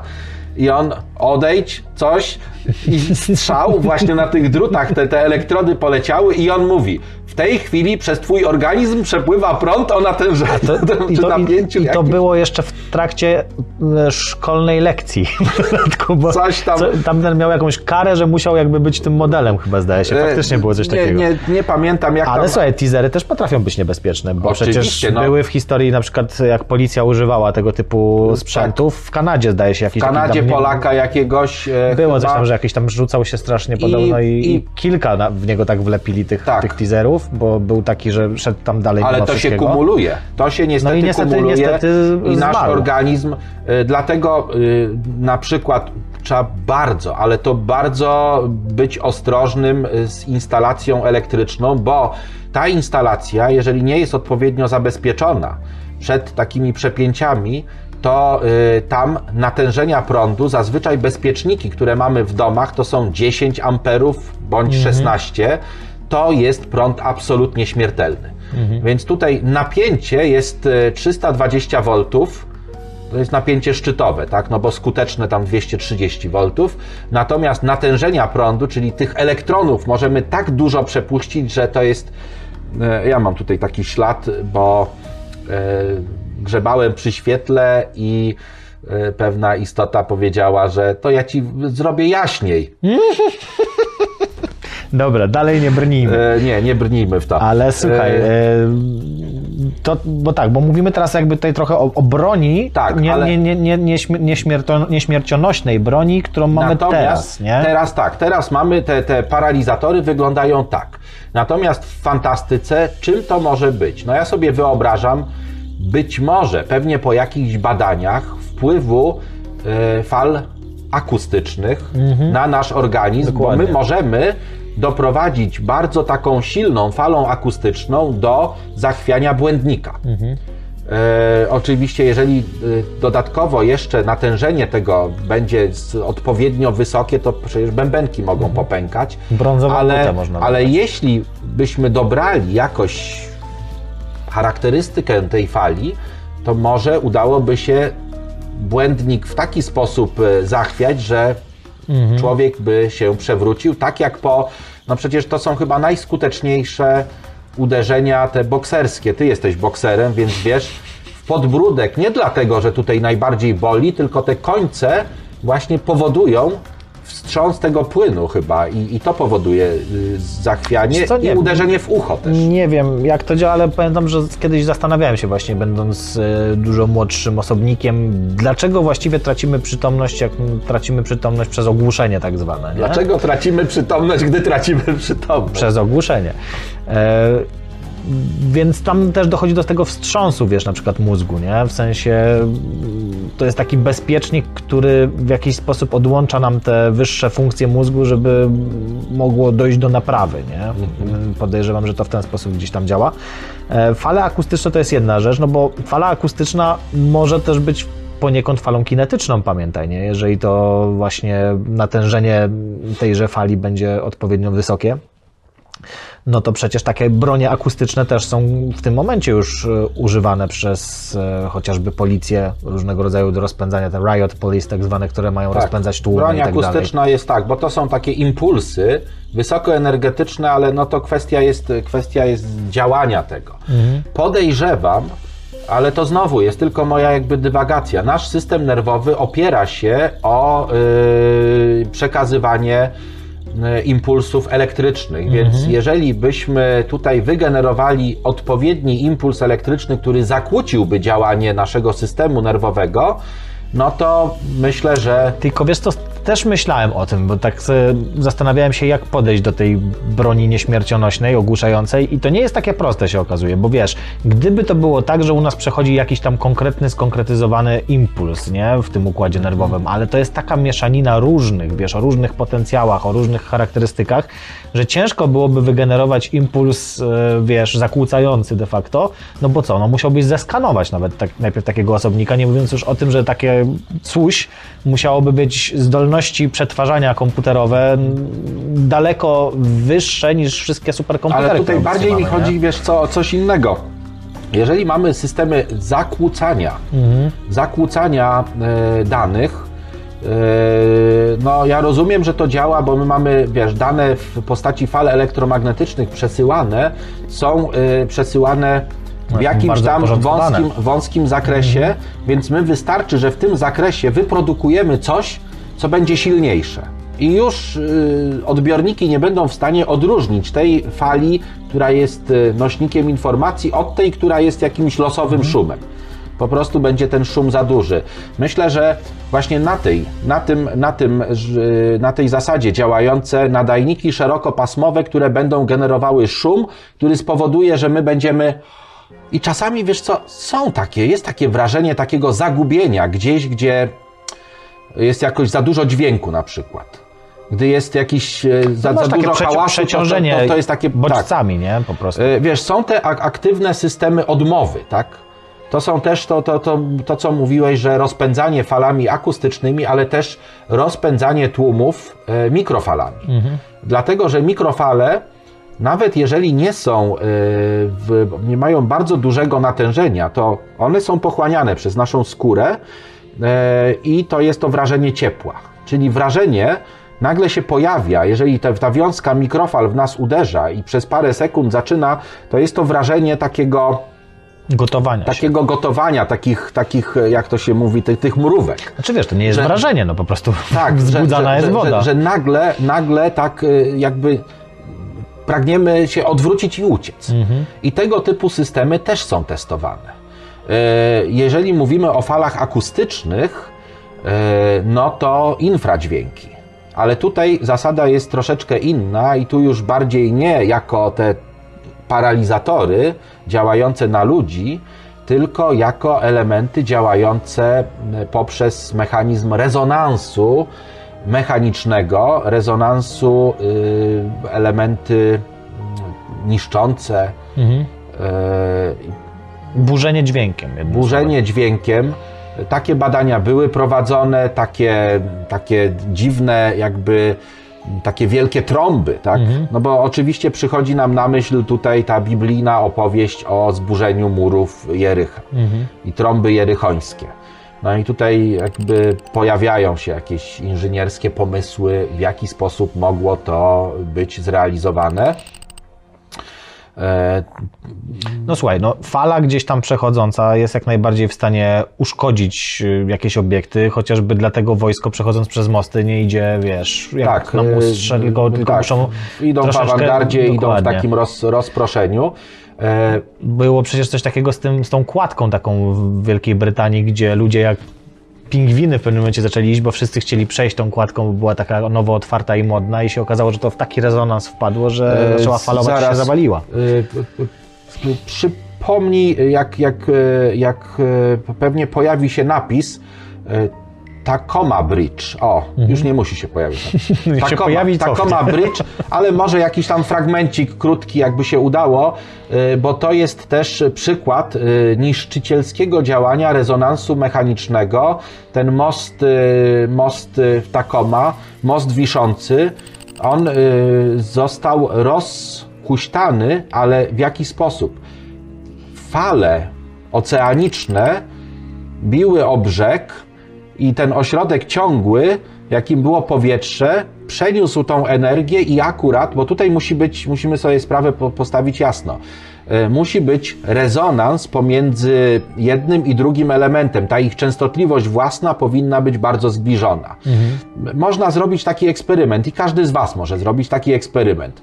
Powiesić na jakimś napiętym drucie albo sznurku, powiesić dwa wahadełka, czyli dwa sznurki, z jakimiś tam, nie wiem, kuleczkami, cokolwiek. Jeżeli będą miały tę samą długość, to zauważcie, to jest bardzo proste. Jeden rozbujacie i nagle okaże się, że ten drugi zacznie się bujać, a ten pierwszy zatrzyma się, po czym ten drugi zacznie się zatrzymywać i ten pierwszy. Jest przekazywanie energii z jednego do drugiego. Ja często pokazuję i pokażemy to. O, to będzie też przykład w jednym tam z odcinków, jaki, jaki będzie o, o, fizyce. Uprzedzam fakty? Powinienem, czy nie? E, z, z kamertonami. Bo dwa kamertony o tej samej częstotliwości to jest jeden z lepszych przykładów. Jeżeli jeden, w jeden przydzwonimy tam tym, tym e, młoteczkiem, no to po chwili zauważymy, że ten drugi zacznie grać. A ten pierwszy złapiemy, unieruchomimy ten drgający kamerton i ten drugi nagle okazuje się, że on, mimo że go nikt nie dotykał. Tak właśnie działa rezonans, ale muszą być o tej samej częstotliwości, muszą być takie same bądź no, bardzo zbliżone. Więc te fale działały tak rytmicznie i rozbujały most, który ostatecznie amplituda była tak duża, że się zawalił. Inny przykład rezonansu to myślę, że każdy, każdy z Was e, kiedyś miał taką sytuację, albo większość z Was, że samochód gdzieś tam wpadł w jakiś, nie wiem, w jakąś dziurę, albo w, się za, zakopał, tak to się mówi.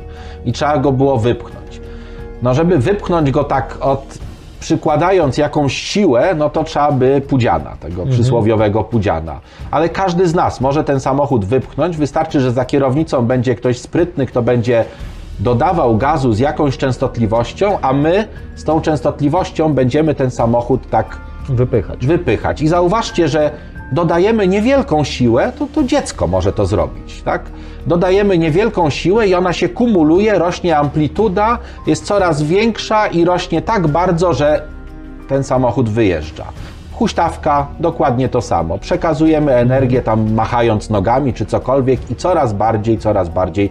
To jest rezonans. I teraz, jeżeli będziemy mieli trąbę jerychońską, która będzie tworzyła dźwięk o długości fali, mniej więcej taki jak częstotliwość drgań, częstotliwość własna jakiegoś systemu, no to będzie działając dostatecznie długo, spowodujemy, że ten system tak się rozedrga, że nie wytrzyma już i mechanicznie zostanie uszkodzony. Dokładnie. I Tak. to też może być broń. Tak być może zostało Jericho zniszczone. Być może, ale wiesz, wyobrażam sobie, że tutaj wiesz, to jest kwestia energii, nie? Znowuż. I mając dostępną dużo większą energię, z której możemy skorzystać, czyli tutaj mówimy już, jeżeli posłużymy się skalą Kardaszowa e, tych zaawansowania cywilizacyjnego, no to powiedzmy cywilizacje na pierwszym stopniu, które już mają naprawdę tej energii pod dostatkiem, mogą sobie różne tego typu e, rzeczy konstruować. E, jak najbardziej takie właśnie kinetyczne bronie mógł, mogłyby, ale kinetyczne, energetyczne bronie e, zastosować. A ja bym teraz przeszedł do broni, która mnie absolutnie zafascynowała. I najpierw będzie Michael. Najpierw będzie. Au! e, gdyż, gdyż jest to e, soundtrack do filmu Luca Besson Element. Normalnie. Piąty element. Piąty element e, z muzyką Erika Erik Ścierra. Dokładnie. Serra. No i tutaj e, oczywiście piątym elementem jest Mila Jowowicz, ta czerwonowłosa, którą tam e, odtworzyli w tej komorze, bo e, czy ktoś przeżył? Tylko jeden. I pokazują taką kawałek ręki, tak? E, odtworzyli ją, ale to nie, ona też jest bronią. Bronią w taką S, SF, bronią przyszłości, tam są te kamienie.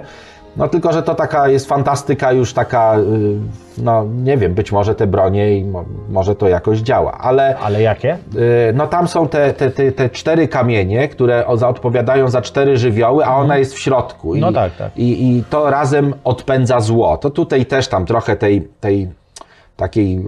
y, Tylko to wiesz, ona to raczej była takim kluczem, bym powiedział. To, to, to nie, Ona to nie był, skupiała w sobie tą energię nie był jakoś. mechanizm jako taki chyba, co bardziej właśnie, żeby nie powołani nie odpalili tego całego tam, wiesz, ładunku i tak dalej, to, Prawdopodobnie to, to tak. raczej w ten sposób. Natomiast, y, o tutaj bardzo mi się podoba wizja tego miasta przyszłości. To są te, te latające y, Trabanty. samochody, trabanty latające, y, te, te pojazdy.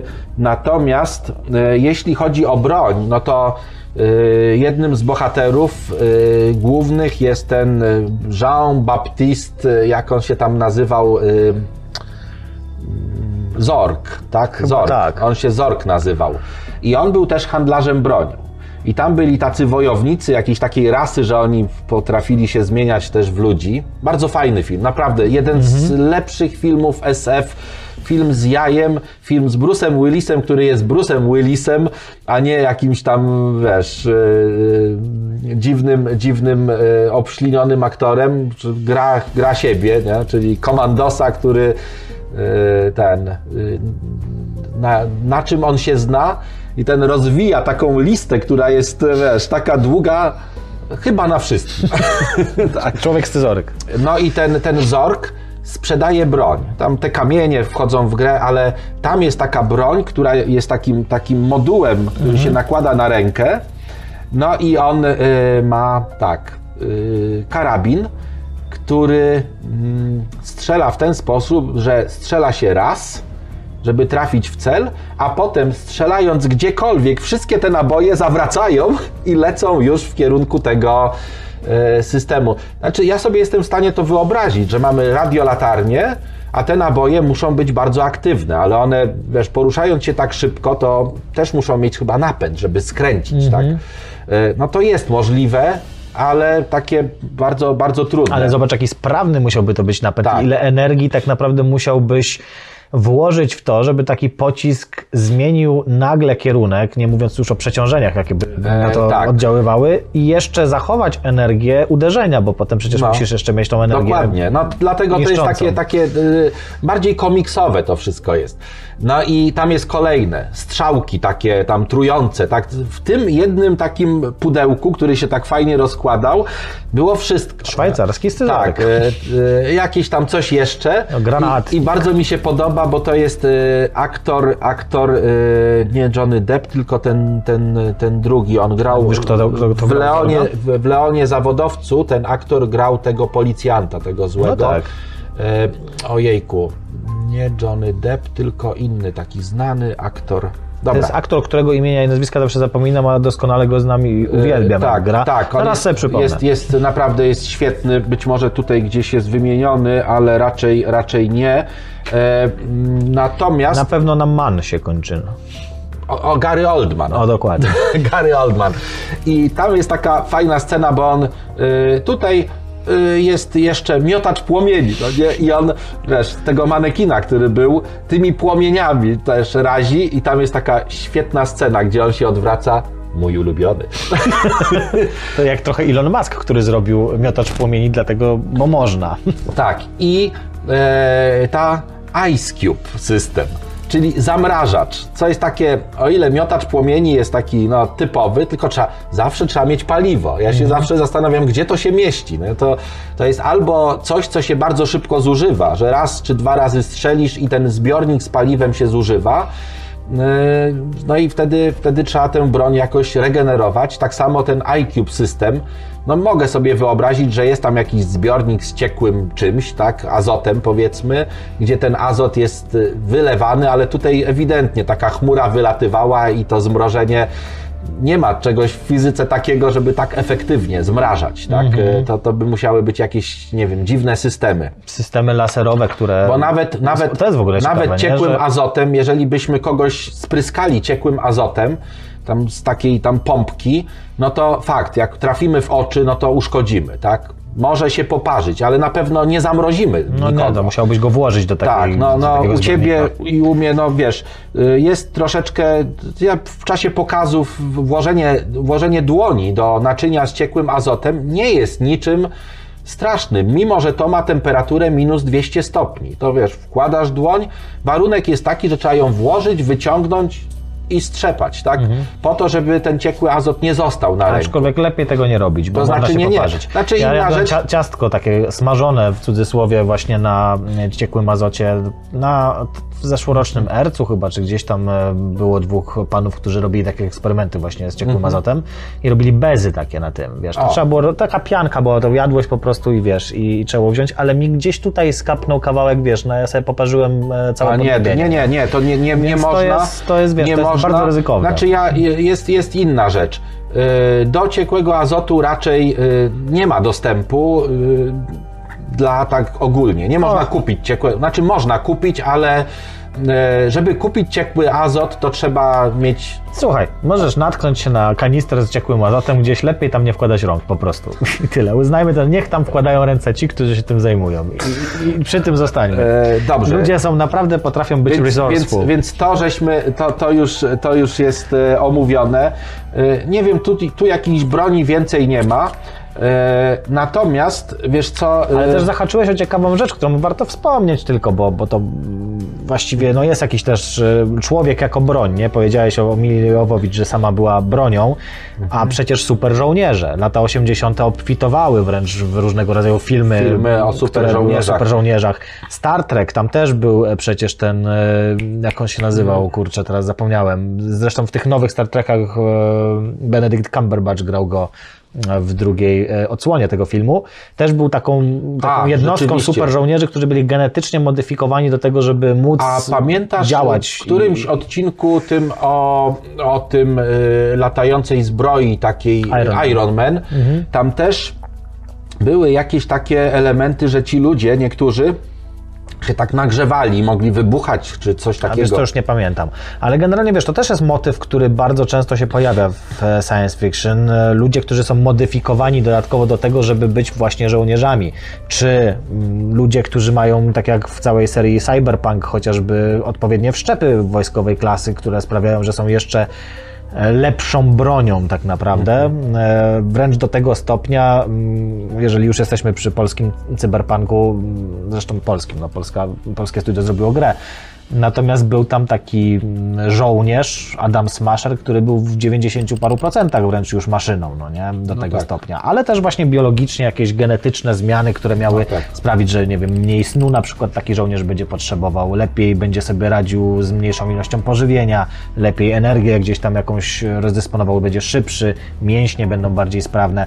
To wszystko się pojawiało, no i takie eksperymenty też były prowadzone przecież, zwłaszcza właśnie w latach 60., 70., gdzieś tam e, w różnych armiach.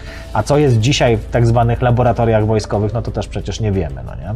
Natomiast to jest taki mokry sen różnego rodzaju dowódców e, i dzisiaj i myślę, że też w przyszłości, kiedy te e, różne dostępne mm, genetyczne terapie będą tak naprawdę coraz bardziej zaawansowane, no bo mamy teraz CRISPR, a chociażby, który może już w tym momencie edytować geny. W momencie, kiedy nauczymy się rozpoznawać, które geny odpowiadają za Za co? potrzebne No to- no to nam jakieś tak, elementy, to, to, tak. nie wierzę, żeby nie było to wykorzystywane w militariach.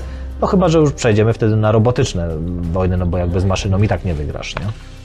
E, Ja bym, ja bym teraz chciał, e, żebyśmy przeszli do tych naj, najfajniejszych Zabawek. fan- fantastycznych zabawek.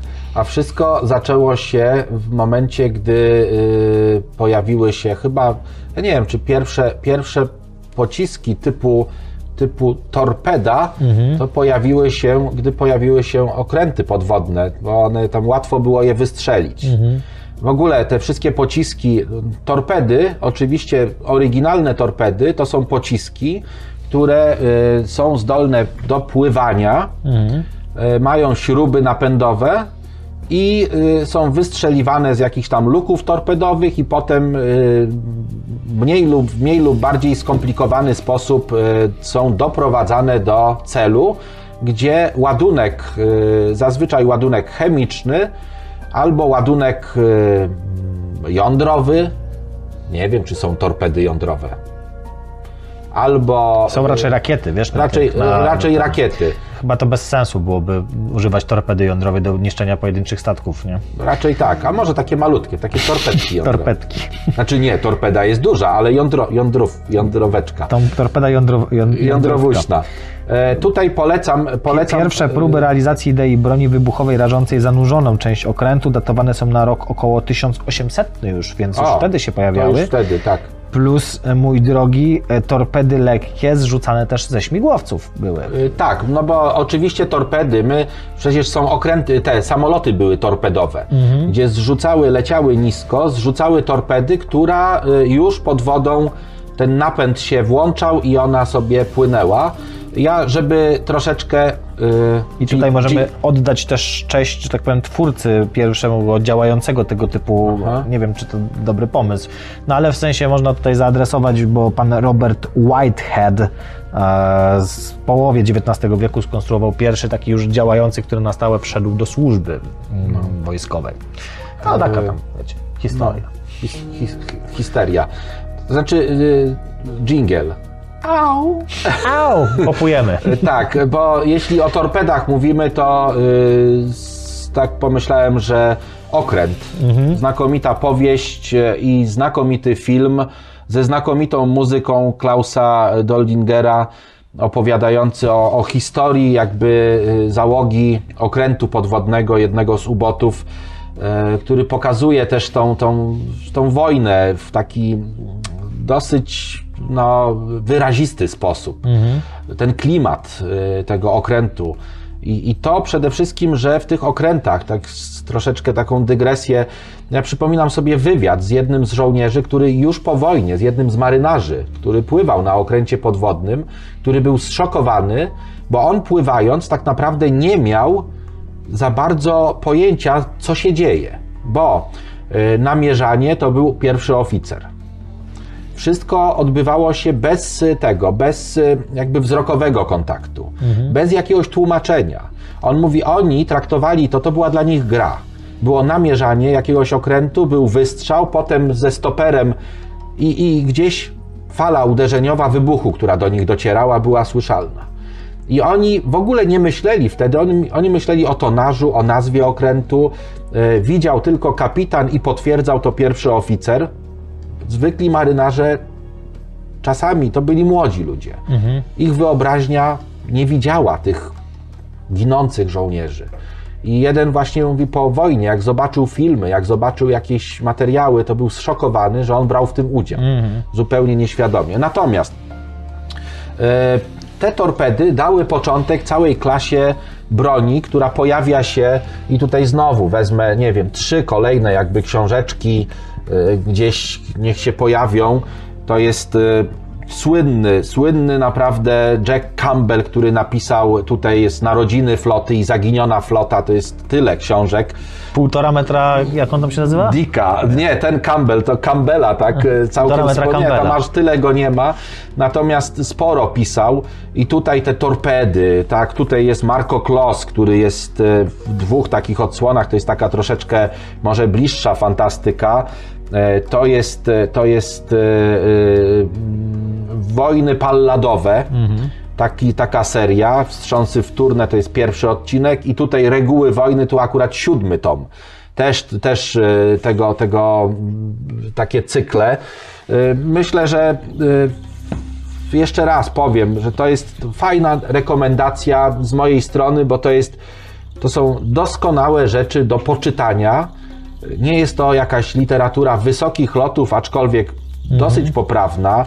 Niektóre są tłumaczone przez e, naprawdę nie wiem, nie wiem czy, czy to, czy wiem, że, że niektóre z rzeczy to wręcz e, wojskowi tłumaczyli.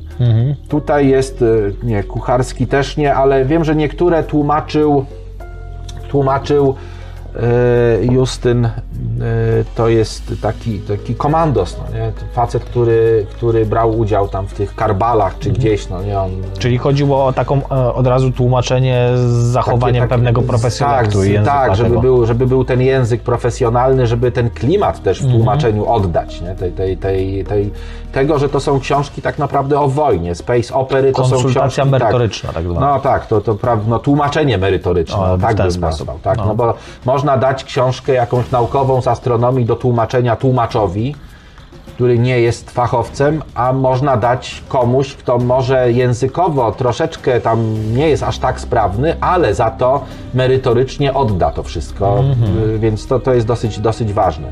No i pojawiają się te torpedy. Oczywiście torpedy, te, które są nazywane torpedami, one y, nie mają nic wspólnego z tymi właśnie takimi o, Klasycznymi klasycznymi które wystrzeliwane są z okrętów, czy, czy z samolotów, czy ze śmigłowców. Natomiast mają napęd, zazwyczaj y, napęd y, y, Rakietowy. jakiś. rakietowy, tak. To są napęd rakiety. rakietowy. To są rakiety. Y, No i proszę Ciebie, Chyba najbardziej popularne to są te fotonowe, o których się No i, no najczęściej i właśnie, mówi, no i właśnie teraz chciałbym, bo są te protonowe, fotonowe i jakieś tam. y, co jest tym. y, pytanie brzmi, tak, moje, i będziemy odpowiadać na to pytanie. Dobra, okej. No Postaram bo się. torpeda ma napęd, to nie ulega wątpliwości. Musi jakoś tam nabrać prędkości, żeby dolecieć do, do celu. Bo y, samym takim y, kinetycznym wystrzeleniem, tak jak nabój z karabinu czy pocisk z armaty, No tutaj byśmy my dużo nic, nie zrobili. Nic nie zrobimy, aczkolwiek dotrzemy. Też jeszcze dzisiaj dojdziemy do tych kinetycznych tak, Mhm. rzeczy. Czyli co niszczy w torpedzie fotonowej? Co, co w, no, w normalnej torpedzie Jakiś- mamy normalny tam trotyl albo jakiś inny rodzaj ładunku wybuchowego, który Mhm. w momencie, gdy możemy wyobrazić sobie pocisk rakietowy, który jest też taką, takim rodzajem torpedy, tylko z innym napędem, który ma ten, tą, tą głowicę jądrową, tak? że dolatuje i wybucha. A, Mhm. co w tutaj, fotonowej? W, w, tak, co jest w fotonowej? fotonowej, z tego co się zdążyłem dowiedzieć, tym e, ładunkiem niszczącym jest antymateria generalnie, która jest składowana w takiej rakiecie, no bo to jest rakieta fotonowa tak naprawdę, nie torpeda, no tam wiesz, jest trochę ta nomenklatura w Star Treku taka e, marynarki wojennej, no bo też na tym oparte są, zobacz, zauważ e, całe te struktury, które tam występują, Tak. masz kapitanów, masz właśnie admirałów i tak dalej, więc to jest taka kosmiczna marynarka wojenna, bym powiedział, e, albo badawcza, no ale wyposażona w jakieś tam e, też mm, różne bronie. I tutaj miała być to antymateria, która mm, w kontakcie po prostu ze zwykłą materią w tym No tak, momencie no tak. emituje też dużo gdzieś Następ, tam znaczy następuje anihilacja. Tak. Anihilacja to jest przemiana masy w energię, czyli w fotony. Dokładnie, i stąd nazwa torpeda Fotonowa. fotonowa. Ty- Taka torpeda oczywiście musiałaby mieć aktywny system utrzymywania Mhm. e, w pułapce magnetycznej takiej antymaterii, żeby ona przypadkiem nie dotknęła w torpedy samej i nie zniszczyła statku. Czy, czy mogą to być też, bo, czyli rozumiem, że tutaj w zależności od konstrukcji taka, taki pocisk może być też pociskiem, który bardzo często też występuje i takie pociski też są jakby tworzone. E, Pociski elektromagnetyczne. Tutaj bardziej chodzi o wytworzenie już nie tych fotonów wysokoenergetycznych, które tworzą falę uderzeniową, to jest tak jak, przecież tak jak e, bomba atomowa. Tam y, cała siła eksplozji związana jest w bombie atomowej tak naprawdę też z faktem, że następuje przemiana materii w promieniowanie elektromagnetyczne. Jak to się dzieje w bombie atomowej? Otóż y, mamy ten ładunek, niech to będzie uran U, tam te 230 No jakiś to rozszczepialny materiał będzie, nie? i ten uran pod wpływem działania wolnego neutronu, on zaczyna to jądro się y, jakby rozchwiewać, rozdygotywowywać, rozszczepia się na dwie składowe, tam jakiś tam krypton jeszcze coś. I teraz jak zbadamy masę tych składowych i masę początkową, to nagle okazuje się, że brakuje mniej więcej 900% masy tego początkowego jądra uranu. To 900% zmienia się w takiej pojedynczej reakcji w 200 megaelektronowoltów w taką, e, w taką energię. I to są fotony. Czyli tak naprawdę ta zwykła bomba atomowa też jest bombą fotonową. Można I tak ją ta, nazwać. ta liczba tych przemian i, i, i ilość tych fotonów, jakie powstają, tworzą tą falę uderzeń. One są źródłem tego wszystkiego, co, co tak naprawdę się tworzy. Natomiast. No tutaj jest, wiesz, ta, ten plus, że przy takiej torpedzie fotonowej możesz dużo mniej tego materiału mm, wybuchowego, nazwijmy to, czyli tej e, antymaterii, bo ja sobie wyobrażam, że jeżeli to jest, wiesz, no, tu musimy jakby mm, zejść do meritum tego, czym są działania zbrojne. One nie mają na celu najczęściej zniszczyć kompletnie wszystkiego, obrócić w perzynę, tylko osiągnąć jakieś cele, tak? Przejąć terytoria, przejąć infrastrukturę czy cokolwiek. Więc dlatego na przykład Rosjanie testując Carbombę, która była najpotężniejszą bronią, Bombą wodorową. 50-megatonową bombą wodorową termojądrową. Tak. E, mogli zrobić 100 megatonową, nie robili tego, bo też wiedzieli, oprócz tam wielu innych aspektów, które po drodze e, uniemożliwiły to, no to wiedzieli też, że to jest bez sensu. To nie jest, to jest zbyt ciężkie, żeby to przenosić w jakiś sensowny sposób. To ma zbyt duże, e, wiesz, pole rażenia i, i moc, żeby używać tego taktycznie jakoś tam w, Tak.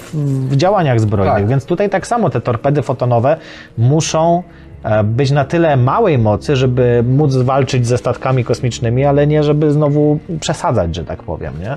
A E, tak. antymateria przy anihilacji daje tak dużo energii, że nie potrzebujesz dużo tej antymaterii, potrzebujesz dosłownie skraweczkę tego. Zresztą całe pojazdy w Star Trek latały też na silnikach napędzanych antymaterią, bo to jest jakby inny temat jeszcze tutaj.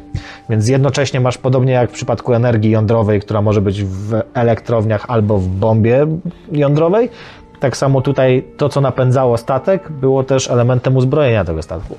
Wiesz, y, tak, y, to jest, to jest y, no, no, czyli mamy wyjaśnione. Ja chciałbym jeszcze tutaj, żeby tak jakby nawiązać, bo to jest ten sam rodzaj promieniowania, ale mniej niszczący, a więc promieniowanie mikrofalowe i radiowe. Jeśli, jeśli mamy do czynienia z tego typu y, jakby urządzeniem, a tak naprawdę dosyć łatwo jest stworzyć coś, co nazywamy impulsem elektromagnetycznym.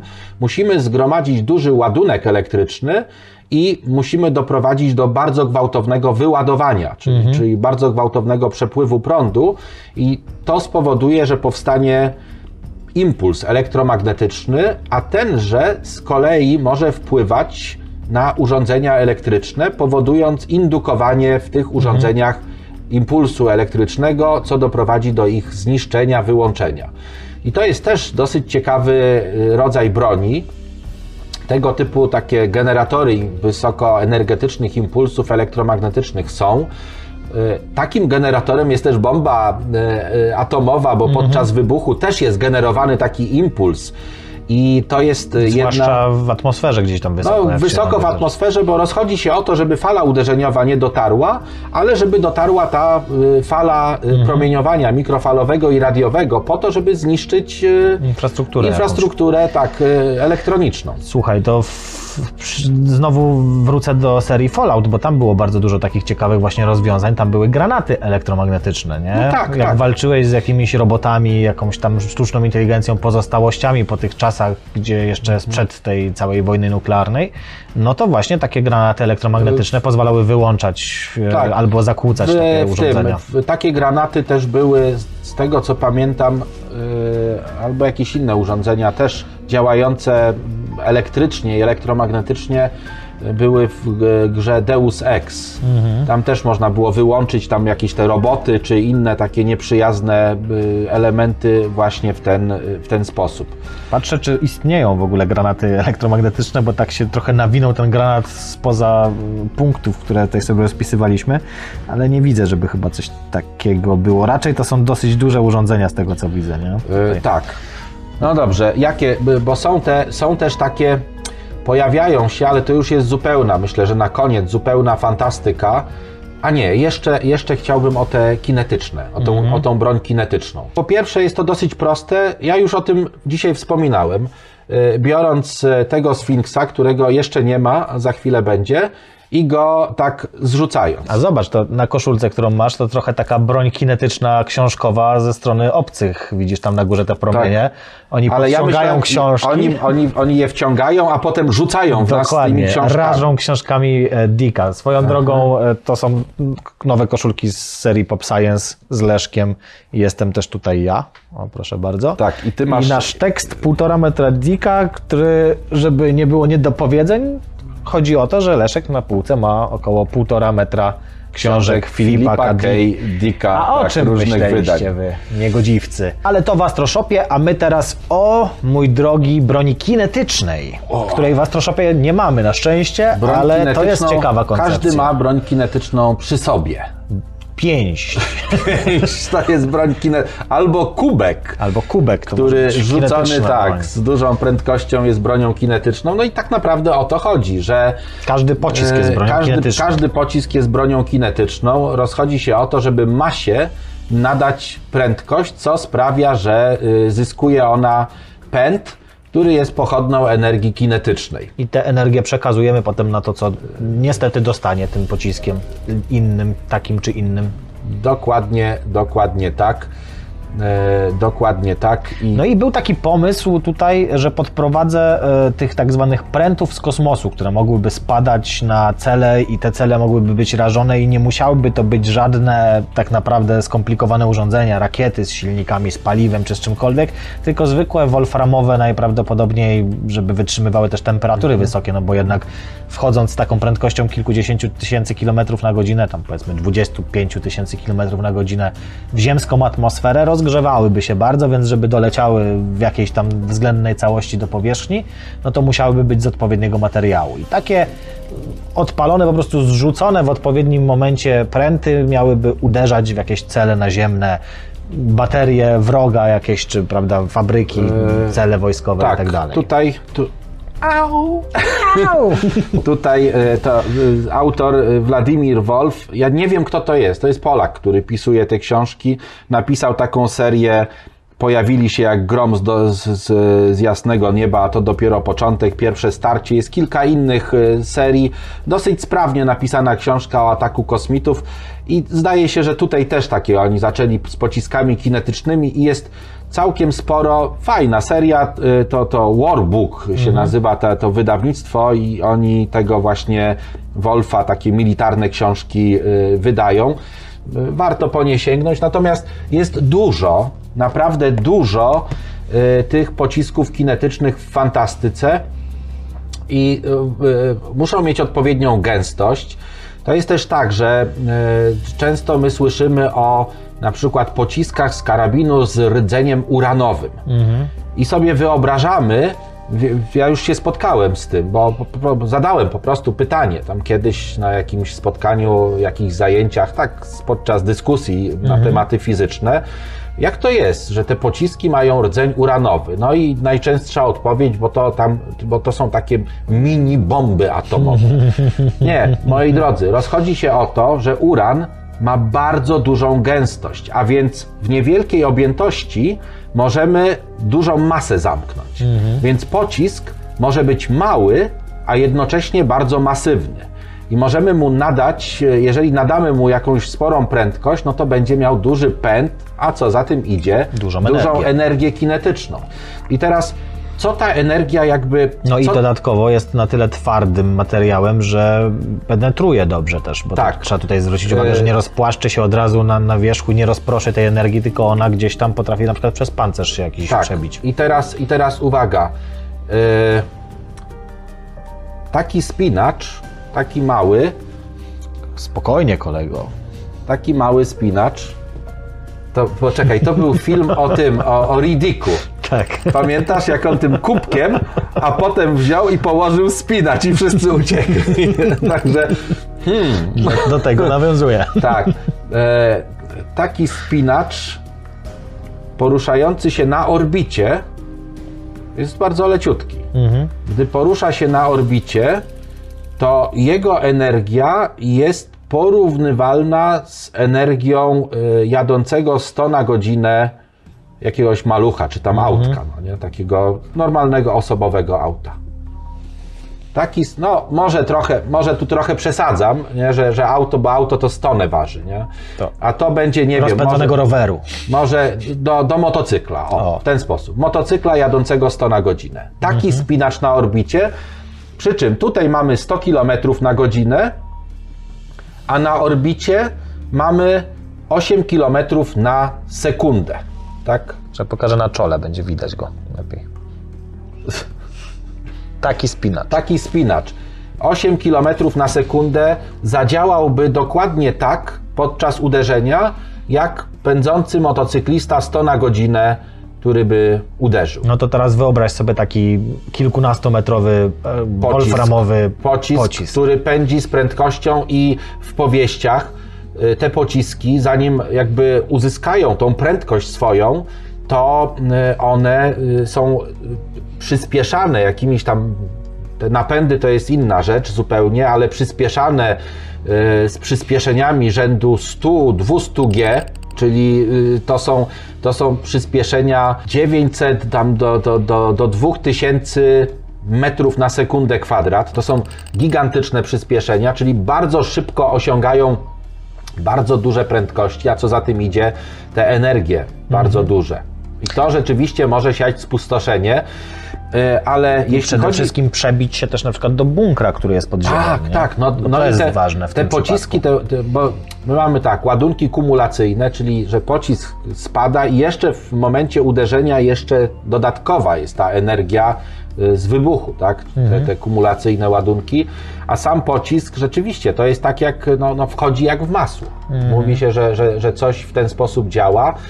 E, jeżeli on będzie dodatkowo jeszcze miał odpowiedni kształt, no to, to rzeczywiście to ciśnienie, które się wytworzy w momencie zderzenia, będzie tak gigantyczne, że może przebić e, bardzo duże struktury, może uwolnić się jako potężna eksplozja. Tylko powiem Ci tak, że to jest trochę bez sensu broń, nie? Jakby nie patrzeć. Znaczy, zasada działania jest super. Nie musisz Tak. ładunków wybuchowych, nie musisz mieć laboratoriów chemicznych, które będą wytwarzać ładunki wybuchowe. Masz po prostu zwykły rdzeń, odlany w jakiejś hucie dosłownie, który jest w stanie razić wroga.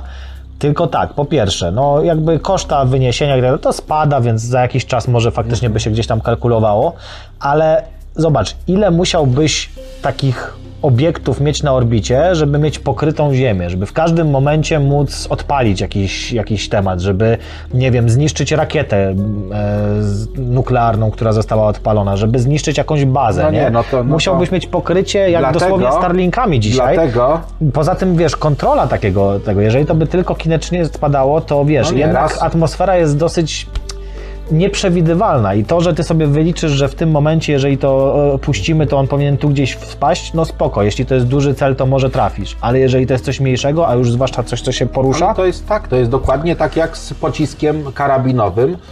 E, Jeżeli raz wystrzelimy, no to ten pocisk już, on już jest poza naszą kontrolą. tak. Więc tutaj e, tak to działa. Powiem tak. dodawanie kontroli też jest Jedynym- bez sensu, bo możesz taniej Nie, zrobić rakietę. Je, jedyną jakby y, taką y, na dziś opcją tego rodzaju broni, którą ja widzę, to jest coś, co y, tak naprawdę już się dzieje. A więc ta misja DART pokazała, że my jesteśmy w stanie minimalnie, ale jednak wpływać na orbity małych ciał w naszym układzie słonecznym. I jest kilka przykładów powieści, jest kilka przykładów e, takich e, e,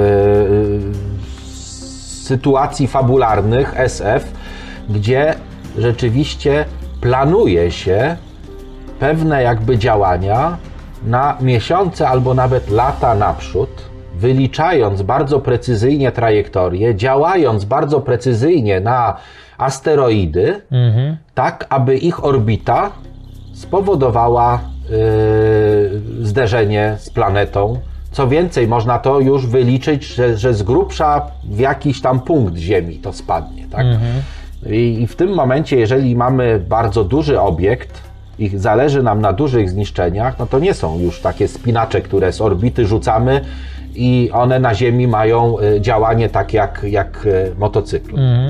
Tylko to też jest, bardzo dużo jest tam takich zmiennych, które mogą nam zniweczyć plan albo, albo coś zrobić. Zresztą wiesz, no pamiętaj, że asteroidy duże potrafią zrobić zniszczenia i dotykają te zniszczenia nie tylko kraj, który zostanie tym potraktowany, Nie, ale czasami globalnie. oczywiście. Więc to jest raczej tylko science fiction. E, Taniej, precyzyjniej jest różnego Atomów. rodzaju atomówki użyć, czy różnego rodzaju jakichś broni soni, hiperso, napędami hipersonicznymi i tak dalej.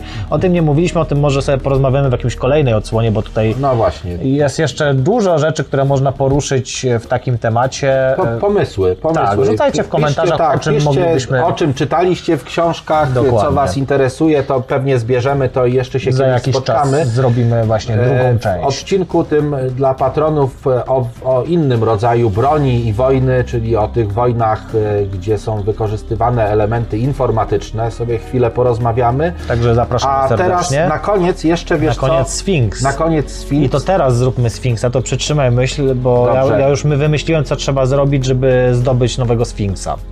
Musisz, mój drogi, skupić całą swoją energię, nie? Wyjść na polanę, skupić całą energię, jak ci mistrzowie kung fu, całą siłę woli tutaj, a tutaj jakby tu, w tej okolicy i przyjąć na klatę taki pocisk wolframowy prosto z orbity i wyjść bez szwanku i wtedy objawi ci się nowy numer Sfinksa. Albo prościej wejść na stronę sf.pl i kupić. Dokładnie. W Sfinksie jest, jest, od razu Wam powiem, jest dużo ciekawych rzeczy, ale między innymi, między innymi e, felieton z cyklu Między nauką a fikcją, tak nawiasem mówiąc, te felietony będą, się, będą też dostępne poza Sfinksem. Tak.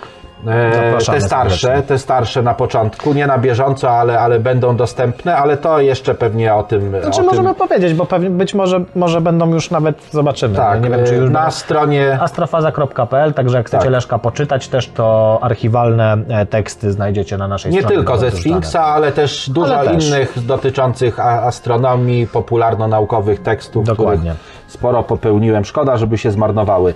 Natomiast jest tutaj tekst Postęp nas zgubi Rzecz o hodowli ludzkiej masy, to troszeczkę tak nawiązuje do tych takich, które, do tych zmian, które obserwujemy i które być może są przypadkowe, a może nie. Tak czy inaczej, one z punktu widzenia osób takich, myślę, że nie tylko w moim wieku, ale nawet w takim jak ty, Czyli już One- zaawansowany. no takim średnim, powiedzmy, tym pierwszym średnim, one nie są najlepsze.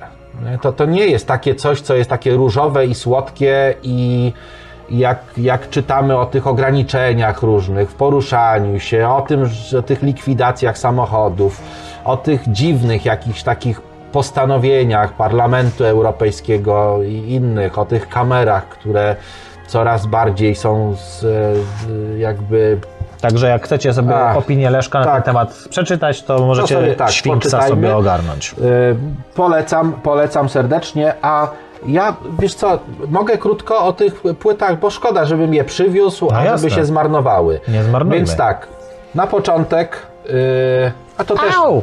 Au! Tak, to będzie kilka. Y, Józef Skrzek, legenda polskiej muzyki elektronicznej i progresywnego rocka, y, podpora SBB, Silesian Blues Band, y,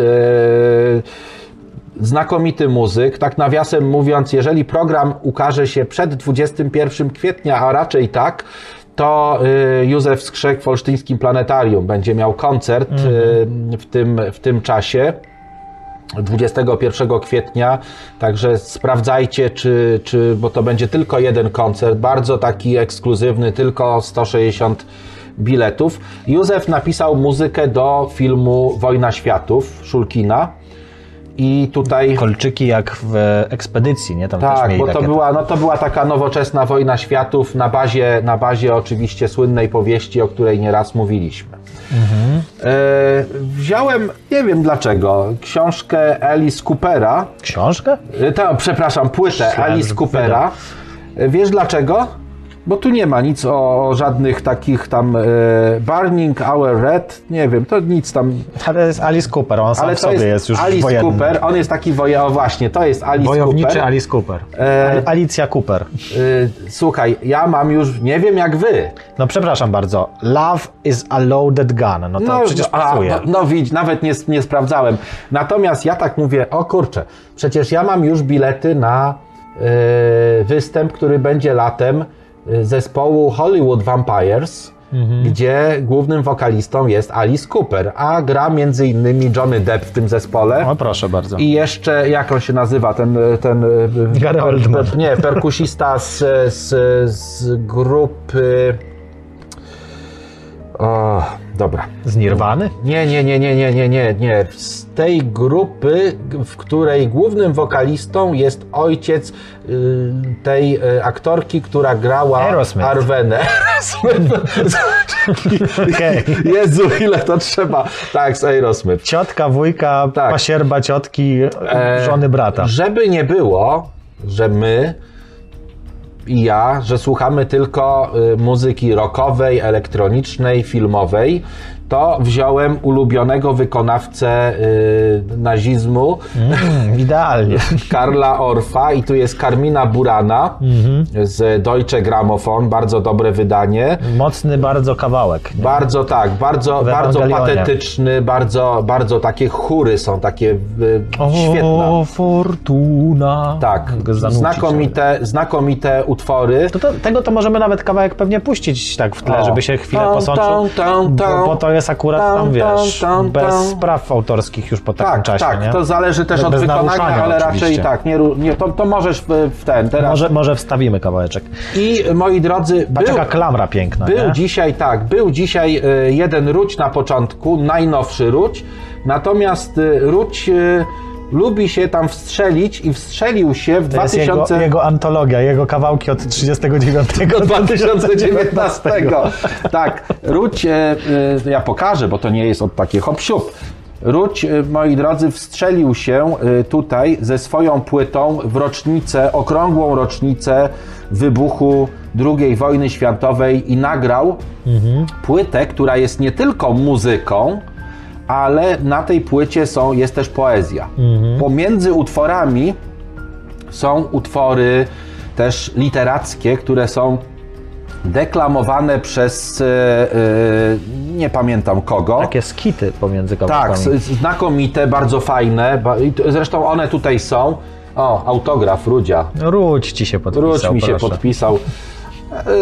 Yy, Rudziu, nie ma to jakiejś tam większej yy, tej, większej yy, wartości. Nie, dobra, o Jezu, on jeszcze to po prostu.